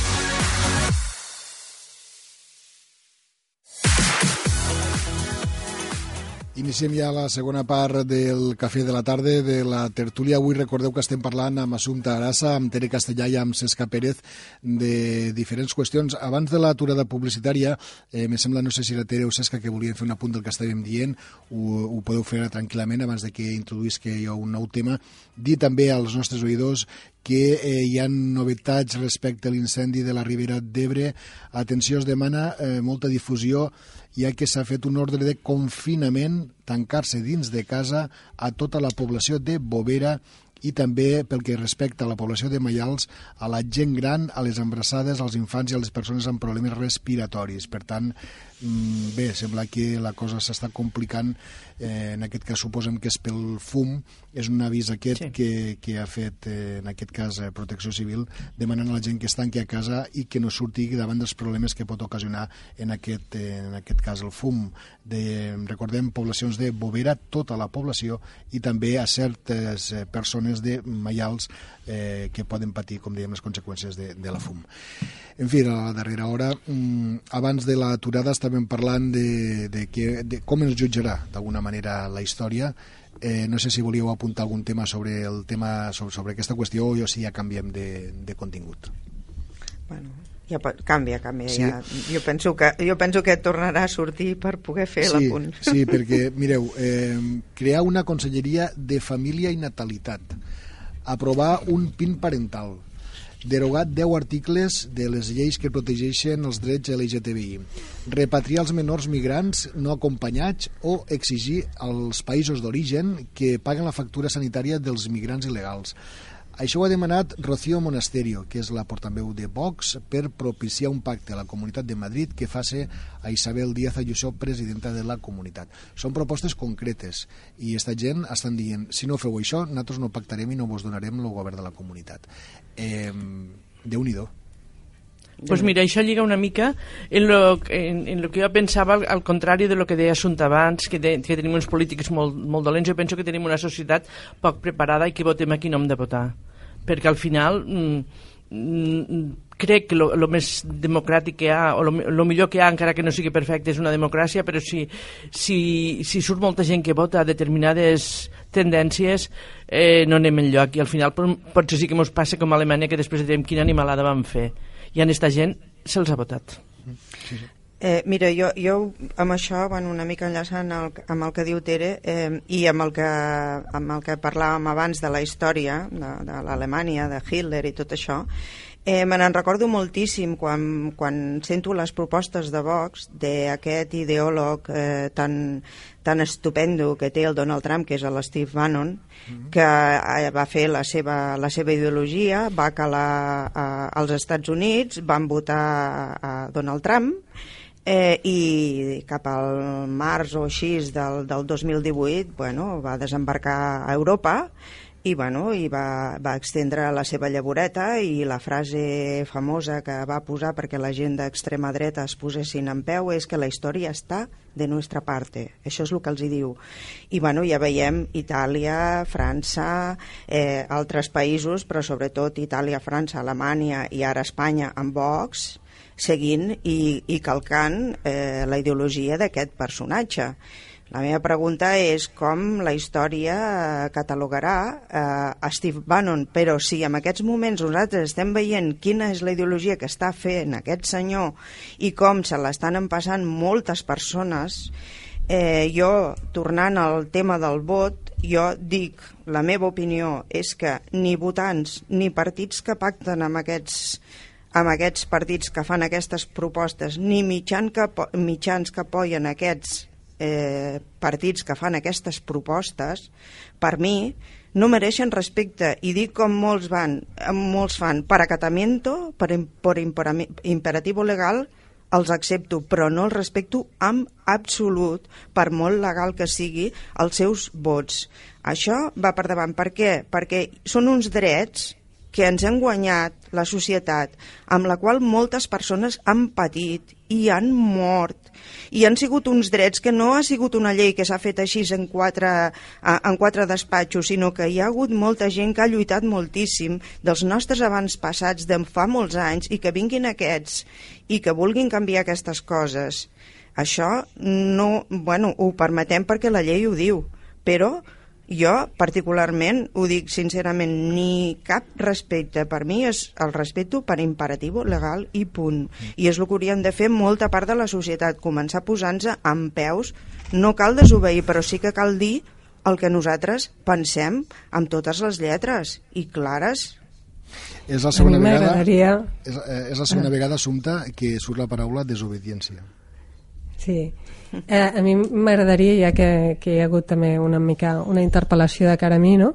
Mm. Um, jo penso que, bueno, no sé, eh, crec que hi és i no, no, no l'entenc massa, però bueno, bàsicament, um, quan jo m'estic queixant dels polítics, m'estic queixant dels polítics amb raó, perquè portem molt de temps que, per exemple, no s'estan, des del meu punt de vista, no s'està fent apostes per coses tan senzilles com eh, educació. Després estem tenint uns mitjans que són mm, d'entreteniment i no són comunicatius o informatius. Jo crec que si nosaltres volem construir una societat eh, crítica, eh, hem de, de fer-ho des, de, des de tots els àmbits, des de l'educació, des, de, des de la cultura, des dels de mitjans comunicatius, crec que, que ens està fa, fallant moltes cosetes.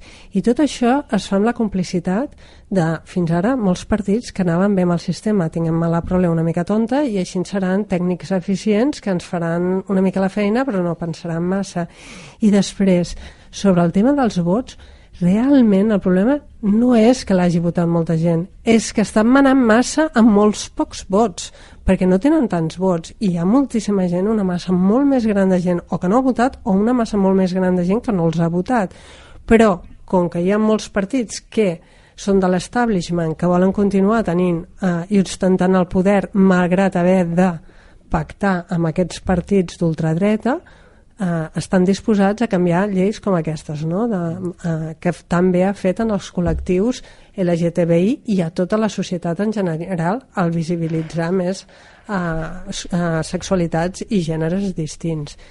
Crec que realment eh, no és que hi hagi tanta gent que els hagi votat, però sí se'ls està donant una força que no, part, que no o sigui, s'està alimentant un monstre i els estan alimentant una gent que després aquest monstre se'ls menjarà i, i jo, no, jo és que no l'entenc jo sincerament, eh, jo no ho entenc jo lo millor no m'he explicat molt bé abans, però el que, lo que volia dir, no, ja, ja estic d'acord en tu en que hi ha poca gent que els ha votat, però eh que abans d'anar a votar, més o menys tots sabem en qui pot pactar qui i que des, al final hi ha poques sorpreses amb els pactes. Home, de Colau, Vull dir, no tots- prou. Eh, però, però no n'hi ha moltes de sorpreses, no n'hi ha moltes de sorpreses. sé. N'hi pot haver alguna, Relatiu. petita, però no. Però vull dir, jo tinc clar que hi ha partits que, que, que poden pactar amb Vox i n'hi ha uns altres que, vaja, a lo millor m'equivoco, eh? Jo, Home, sincerament. espero no equivocar-me, Eh, que no hi pactaran mai.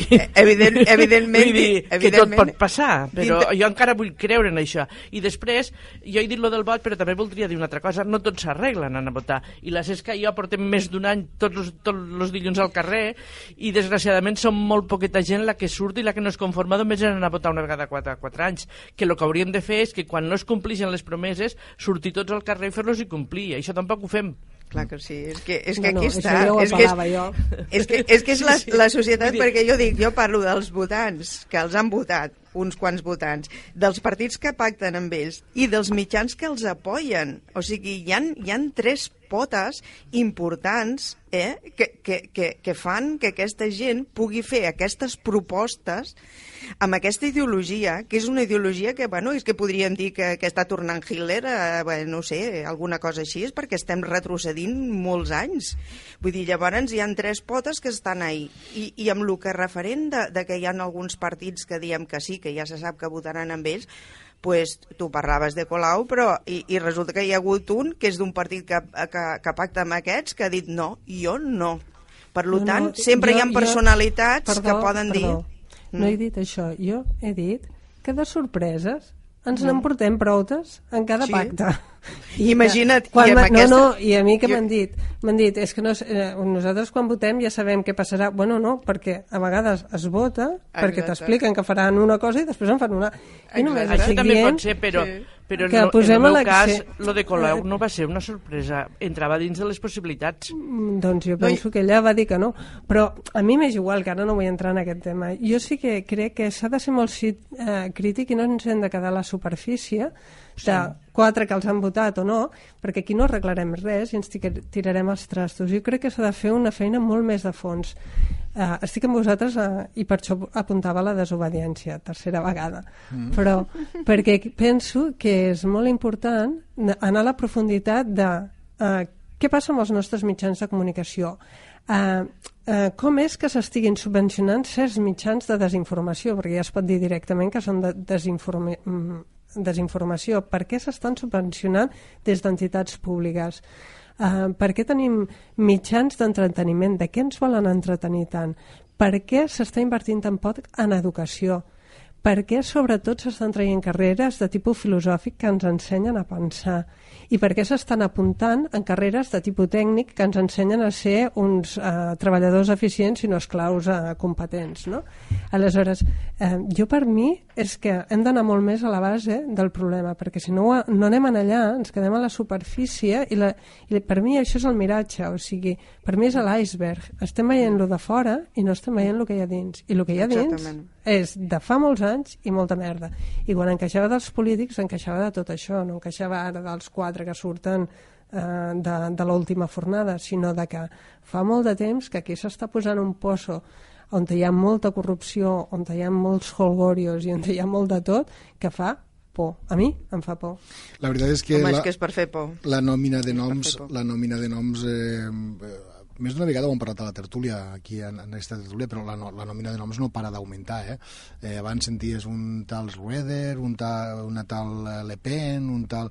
Eh, però, claro, ara comença això, no? Hem dit ja Salvini, hem dit Bolsonaro, hem dit Erdogan, hem dit Donald Trump, hem dit eh, l'auge de Vox aquí a, a l'estat espanyol, en definitiva, fi- fins i tot a, a països nòrdics. Eh? Eh, hi ha països Sí. nòrdics que me sembla que és a Finlàndia que ha guanyat la socialdemocràcia, però que molt a prop, molt a prop, eh, també hi ha hagut uns bons resultats per a l'extrema dreta. Mm, en fi, que suposo que en parlarem en els propers dies, però eh, tot això ve a, mm, ve a col·lació perquè s'ha fet públic d'alguna manera quins són els punts que Vox està exigint per a, mm, això, per a donar el poder o a Ciutadans o al Partit Popular a diferents institucions, en aquest cas a Isabel Díaz Ayuso, presidenta de la Comunitat de Madrid eh, pel PP, si accepta això. eh, crear una conselleria de família i natalitat, PIN parental, derogar articles de la llei LGTBI, repatriar els menors migrants, que paguen les factures als països d'origen, en fi, una mica, ja ho he dit abans i per tant no cal insistir-hi més. I voleu que us una cosa, a vegades inclús me, sap, mm, me sap greu parlar d'aquestes qüestions perquè és, el que estàveu dient també és com donar-los un més, eh, mm. més aire, no? més força. I, i no, no saps mai si fas bé o fas malament. No, és veritat això, però eh, jo particularment en, en el que respecta a Vox penso, a veure, jo puc entendre que, que ells són la major... Bueno, quan surten a, a donar la, la roda de premsa me'n dono compte que sempre hi ha una senyora allà posada que no parla mai, mm. és la decoració, i no, és veritat, en una, en una carteret, en una carpeta, sí. sempre és la mateixa. I, sí, i llavors dius, bueno, són masclistes, són machistes, no assumeixen que les coses han canviat, però també hi ha dones en este partit. Mm -hmm. I, I no sé si hi ha algun homosexual, però jo diria que segur que n'hi ha. Llavors això sí, ha de ser un lío molt gran. I jo no entenc, vull dir, bueno, a la regidora, no entenc com la gent pugui pens pensar així. A la regidora que va sortir al balcó eh, mentre s'estava desplegant la bandera de l'Arquiris, la bandera LGTB, no sé quin poble era, la van expulsar i ella ha aguantat l'acte de regidora perquè, com sabeu, és personal intransferible. Sí, sí, és veritat. I va fer que... Per Andalusia. No, sí, sí, i va, fer, i va fer que no pugés al govern el Partit Popular. Va dir, l'acte és sí, meua, sí, sí. m'heu fotut fora, doncs ara jo me vengo una mica, no? Eh, esta mm, dona de la cartereta, Tere, és la senyora eh, Monasterio, Rocío Monasterio. No, no, no. No? no és esta, no, perquè esta parla. Ah, bueno. Sí, sí. No, no, no, ja els vaig coneixent. La que jo dic no parla i sempre està al costat d'aquest que té un apellit estranger, que ara no me'n recordo com es diu. Sí, el de la barra. Jo, en aquí és, és molt important no només que les dones evidentment no haurien de votar masclisme perquè eh, les dones podem ser masclistes igual que els homes perquè També això és un tema sí. social Ui, tant. però nosaltres el patim a diferència que els homes i per tant és una mica mm, masoquista però és, amb les lleis LGTBI no cal que pertanyis en aquest col·lectiu per donar-te en compte de que gràcies a aquestes lleis, gràcies a que ens han obert la mentalitat tots aquests col·lectius eh, estan fent molt bé a tota la societat. Per tant, com a ésser humà, indistintament de la teva sexualitat o el teu gènere, estaria bé que anessis a favor d'aquests col·lectius, perquè en el fons, gràcies a aquests col·lectius, estem eh, aprenent a saber que som molt més rics i molt més diferents del que ens pensàvem que eren. Per tant, és una mica el mateix. No, no cal, no cal, o sigui, un home també no. pot ser feminista. I n'hi ha, Evident, també n'hi ha, també n'hi ha. bueno, és que jo sempre, jo sempre he dit una cosa que, que moltes vegades hi ha, bueno, hi ha moltes dones que, que, bueno, que, que em diuen no, això no és així, és perquè la dona és la víctima. Jo sempre he dit que el taló d'Aquiles nostre és les, les pròpies dones que, estan, que, que tenen actituds masclistes i que apoyen aquestes actituds. No sé si és perquè no se'n donen compte o perquè estan educades així o, o, o no sé per què és, però jo tinc moltes converses amb dones que no sé si estic parlant a, a, a, amb, una, amb una dona, amb un home, no, no ho entenc perquè les seves actituds no són ni d'home ni de dona, són masclistes. Mm. I són les pròpies dones. Llavors, si nosaltres som més del 50%, diguéssim, de la població i tinguéssim una actitud i, i el nostre vot i el nostre recolzament nen, n'és per uns partits o per unes associacions que estiguessin a favor de, dels drets de totes les persones i de la igualtat, un altre gall ens cantaria. Mm -hmm. Penso alguna cosa a afegir. Eh, tenim, ens queden 3 minuts de programa eh, i en tot cas eh, l'últim tema que volia posar damunt de la taula, no tenim temps per a massa, és aquesta notícia que vaig llegir que l'ONU ha alertat de l'amenaça d'un apartheid climàtic. L'escalfament global farà créixer la pobresa i la desigualtat i amenaça fins i tot democràcia i drets humans. Eh, una mica hem començat el programa per aquí, eh, Assumpta? Sí pues aquest, te aquest tema és superimportant, eh? vull dir, dona per 3 minuts no dona, no hauràs no. de fer un altre programa. No, no puc, saps que no puc, acabem avui, acabem avui la tertúlia. Al tornar de vacances. Al tornar de vacances. Ah, ah, estarem aquí segurament que una sí. miqueta pitjor.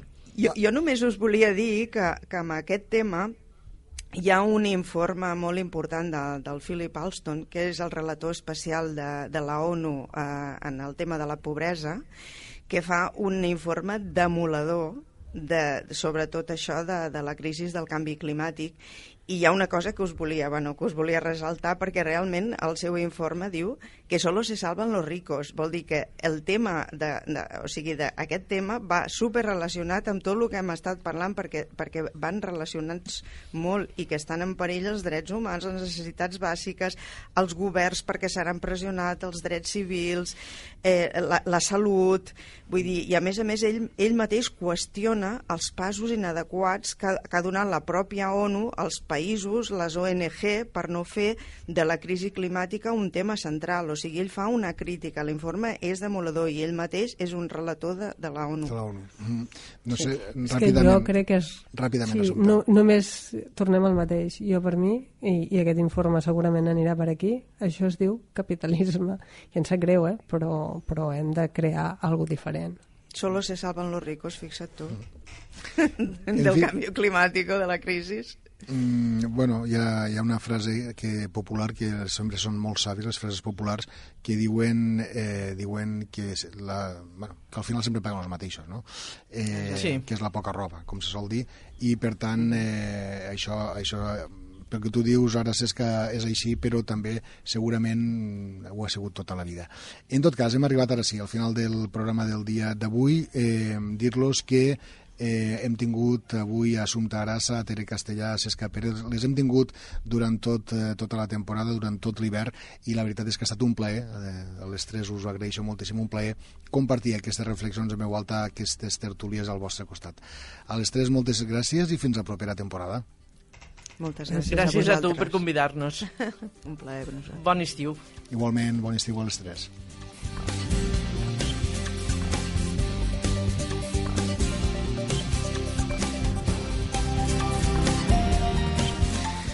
Bé, nosaltres hem de donar el comiat, al, el comiat a la tertúlia, però continuem el programa perquè encara es queden els últims minuts, que en dijous el que fem ja sabeu que és anar d'excursió.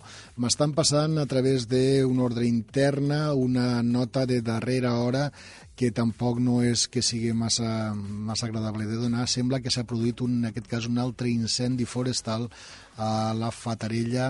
Eh, intentarem donar més dades al llarg de, de la tarda. Després mm, ja sabeu que també a través de, de la xarxa eh, tin, podeu tenir més informació.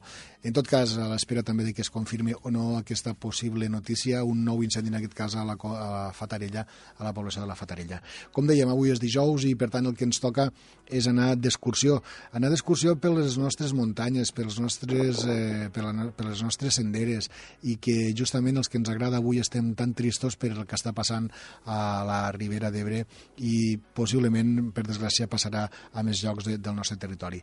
Com un dia, cada dijous tenim a Joan Moisès, que és el nostre xerpa particular, el nostre guia, que ens porta per aquí per allà. Joan, bona tarda. Bona tarda, Josep. Un desastre això de la Ribera d'Ebre, eh, Joan? Pues sí, eh, una, una, que estic escoltant i estic de cas de tio. La veritat és que sí, els que, la gent com tu, que, que mos agrada la muntanya, mm, això, mm, la veritat és que te sap molt, te sap molt de mal. Eh, Molt de mal, sí, sí. Joan, ja avui és l'últim programa de la temporada, mos hagués agradat acabar-lo d'una altra manera i per llevar-nos una mica el mal gust que mos deixa tot això, si et sembla, recorrem una part del nostre territori eh, que és el Montsià i avui mm, què trobes si mos portes hasta el Baciol? A mi, allí al recorregut del Bascal, Uh -huh. eh, terme del Canà. I, ta, I tant, anirem per Terres Canareves Sí. avui. Molt bé, doncs bueno, eh, per anar aquí al barranc del Baciol se pot anar per molts de llocs, Uh -huh. però un per a que la gent no es perdi i una, una d'això més, més bonica és el, a la carretera que passa per dalt pel desvio, Sí. al quilòmetre 1067 hi ha un camí que eh, dona al, al Mas de Lluco i allí està senyalitzat ja en un cartellet de color verdet, ja fica els noms. Molt bé. Puja tot aquell camí amunt, en 1067, eh? quilòmetre 1067, tant si vens per, per la banda del Canà com si vens de la Ràpida. Aquell lloc és el punt més emblemàtic que es pot pujar aquí. Se va pujant cap amunt i s'arriba a un mas que es diu el Mas de Lluco. Un mas molt antic, molt famós també. D'allí eh, s'agafa a la dreta, a la, enfrente tenim el que és la, la, la cementera, i nosaltres hem de tirar per la dreta, per un camí a la dreta, que és el camí de bandolers. Anem seguint tot el camí este i quan arribéssim en un cruce de camí en un barranc, és el barranc de la Martinenca i el Baciol. Allí també està indicat hem de tirar a l'esquerra, cap amunt a l'esquerra. Anem pujant pel camí i allí mos desviem. Antigament el camí que anàvem a la font del Baciol s'anava per l'esquerra, pel que és lo mas dels Severos i la cova del Tio Sardinero. Uh -huh. Però ara l'han desviat per un altre lloc perquè per allà és la millor. Se puja per una caseta que es diu la caseta de Vilero, Sí. se va pujant, està molt, molt ben indicat i, i molt netejat, eh? bueno, netejat una miqueta. Se va pujant, s'arriba en un pinaret, que és el racó del Buco, i llavors arribem a, la, a un cruce de senderes que allí hem de tirar a l'esquerra. A la dreta mm, aniries a la cova de la Edra Sí. I també aniries a, a molts de llocs del Montsià, però nosaltres tirem a l'esquerra i arribem al que és el racó del Baciol, la font del Baciol. Bé, eh, era una, és una excursió que havia fet, eh, havia fet eh, gent il·lustre del Canà, eh? És, eh, eh, és una de les excursions preferides de la gent de, de, del Canà. Sí, sí, està encara sí, allí hi ha també, a part de la font, també hi ha un, un abeurador, un abeurador que veurà bé els, els animals, i tota aquesta zona de per aquí antigament també s'usava per fer llenya, per caçar, per pasturar els ramats i moltes coses més, hasta mel i tot feien per allí, en estos puestos. Era, és el que dius tu, era un, un lloc, a part de, dels altres que hi ha, també de, de, de la gent del Canà, que és un racó molt bonic, el racó del Baciol.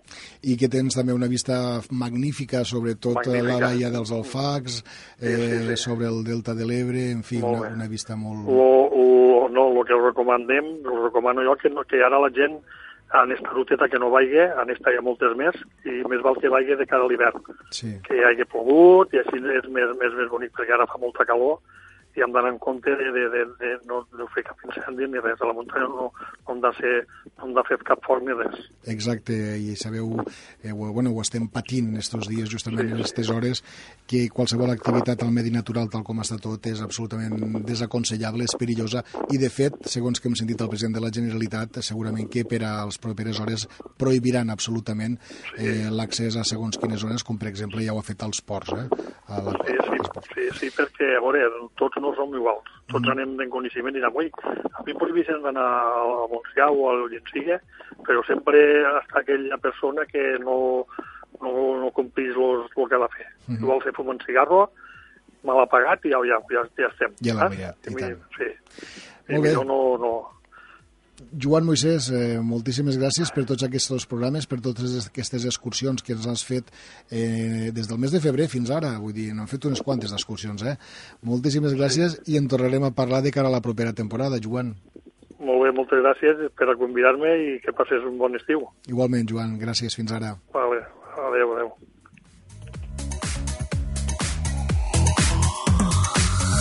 I ara sí, acomiadem el programa aquestes 3 hores de ràdio en directe que fem cada dia de dilluns a divendres aquí a través de la seva emissora municipal.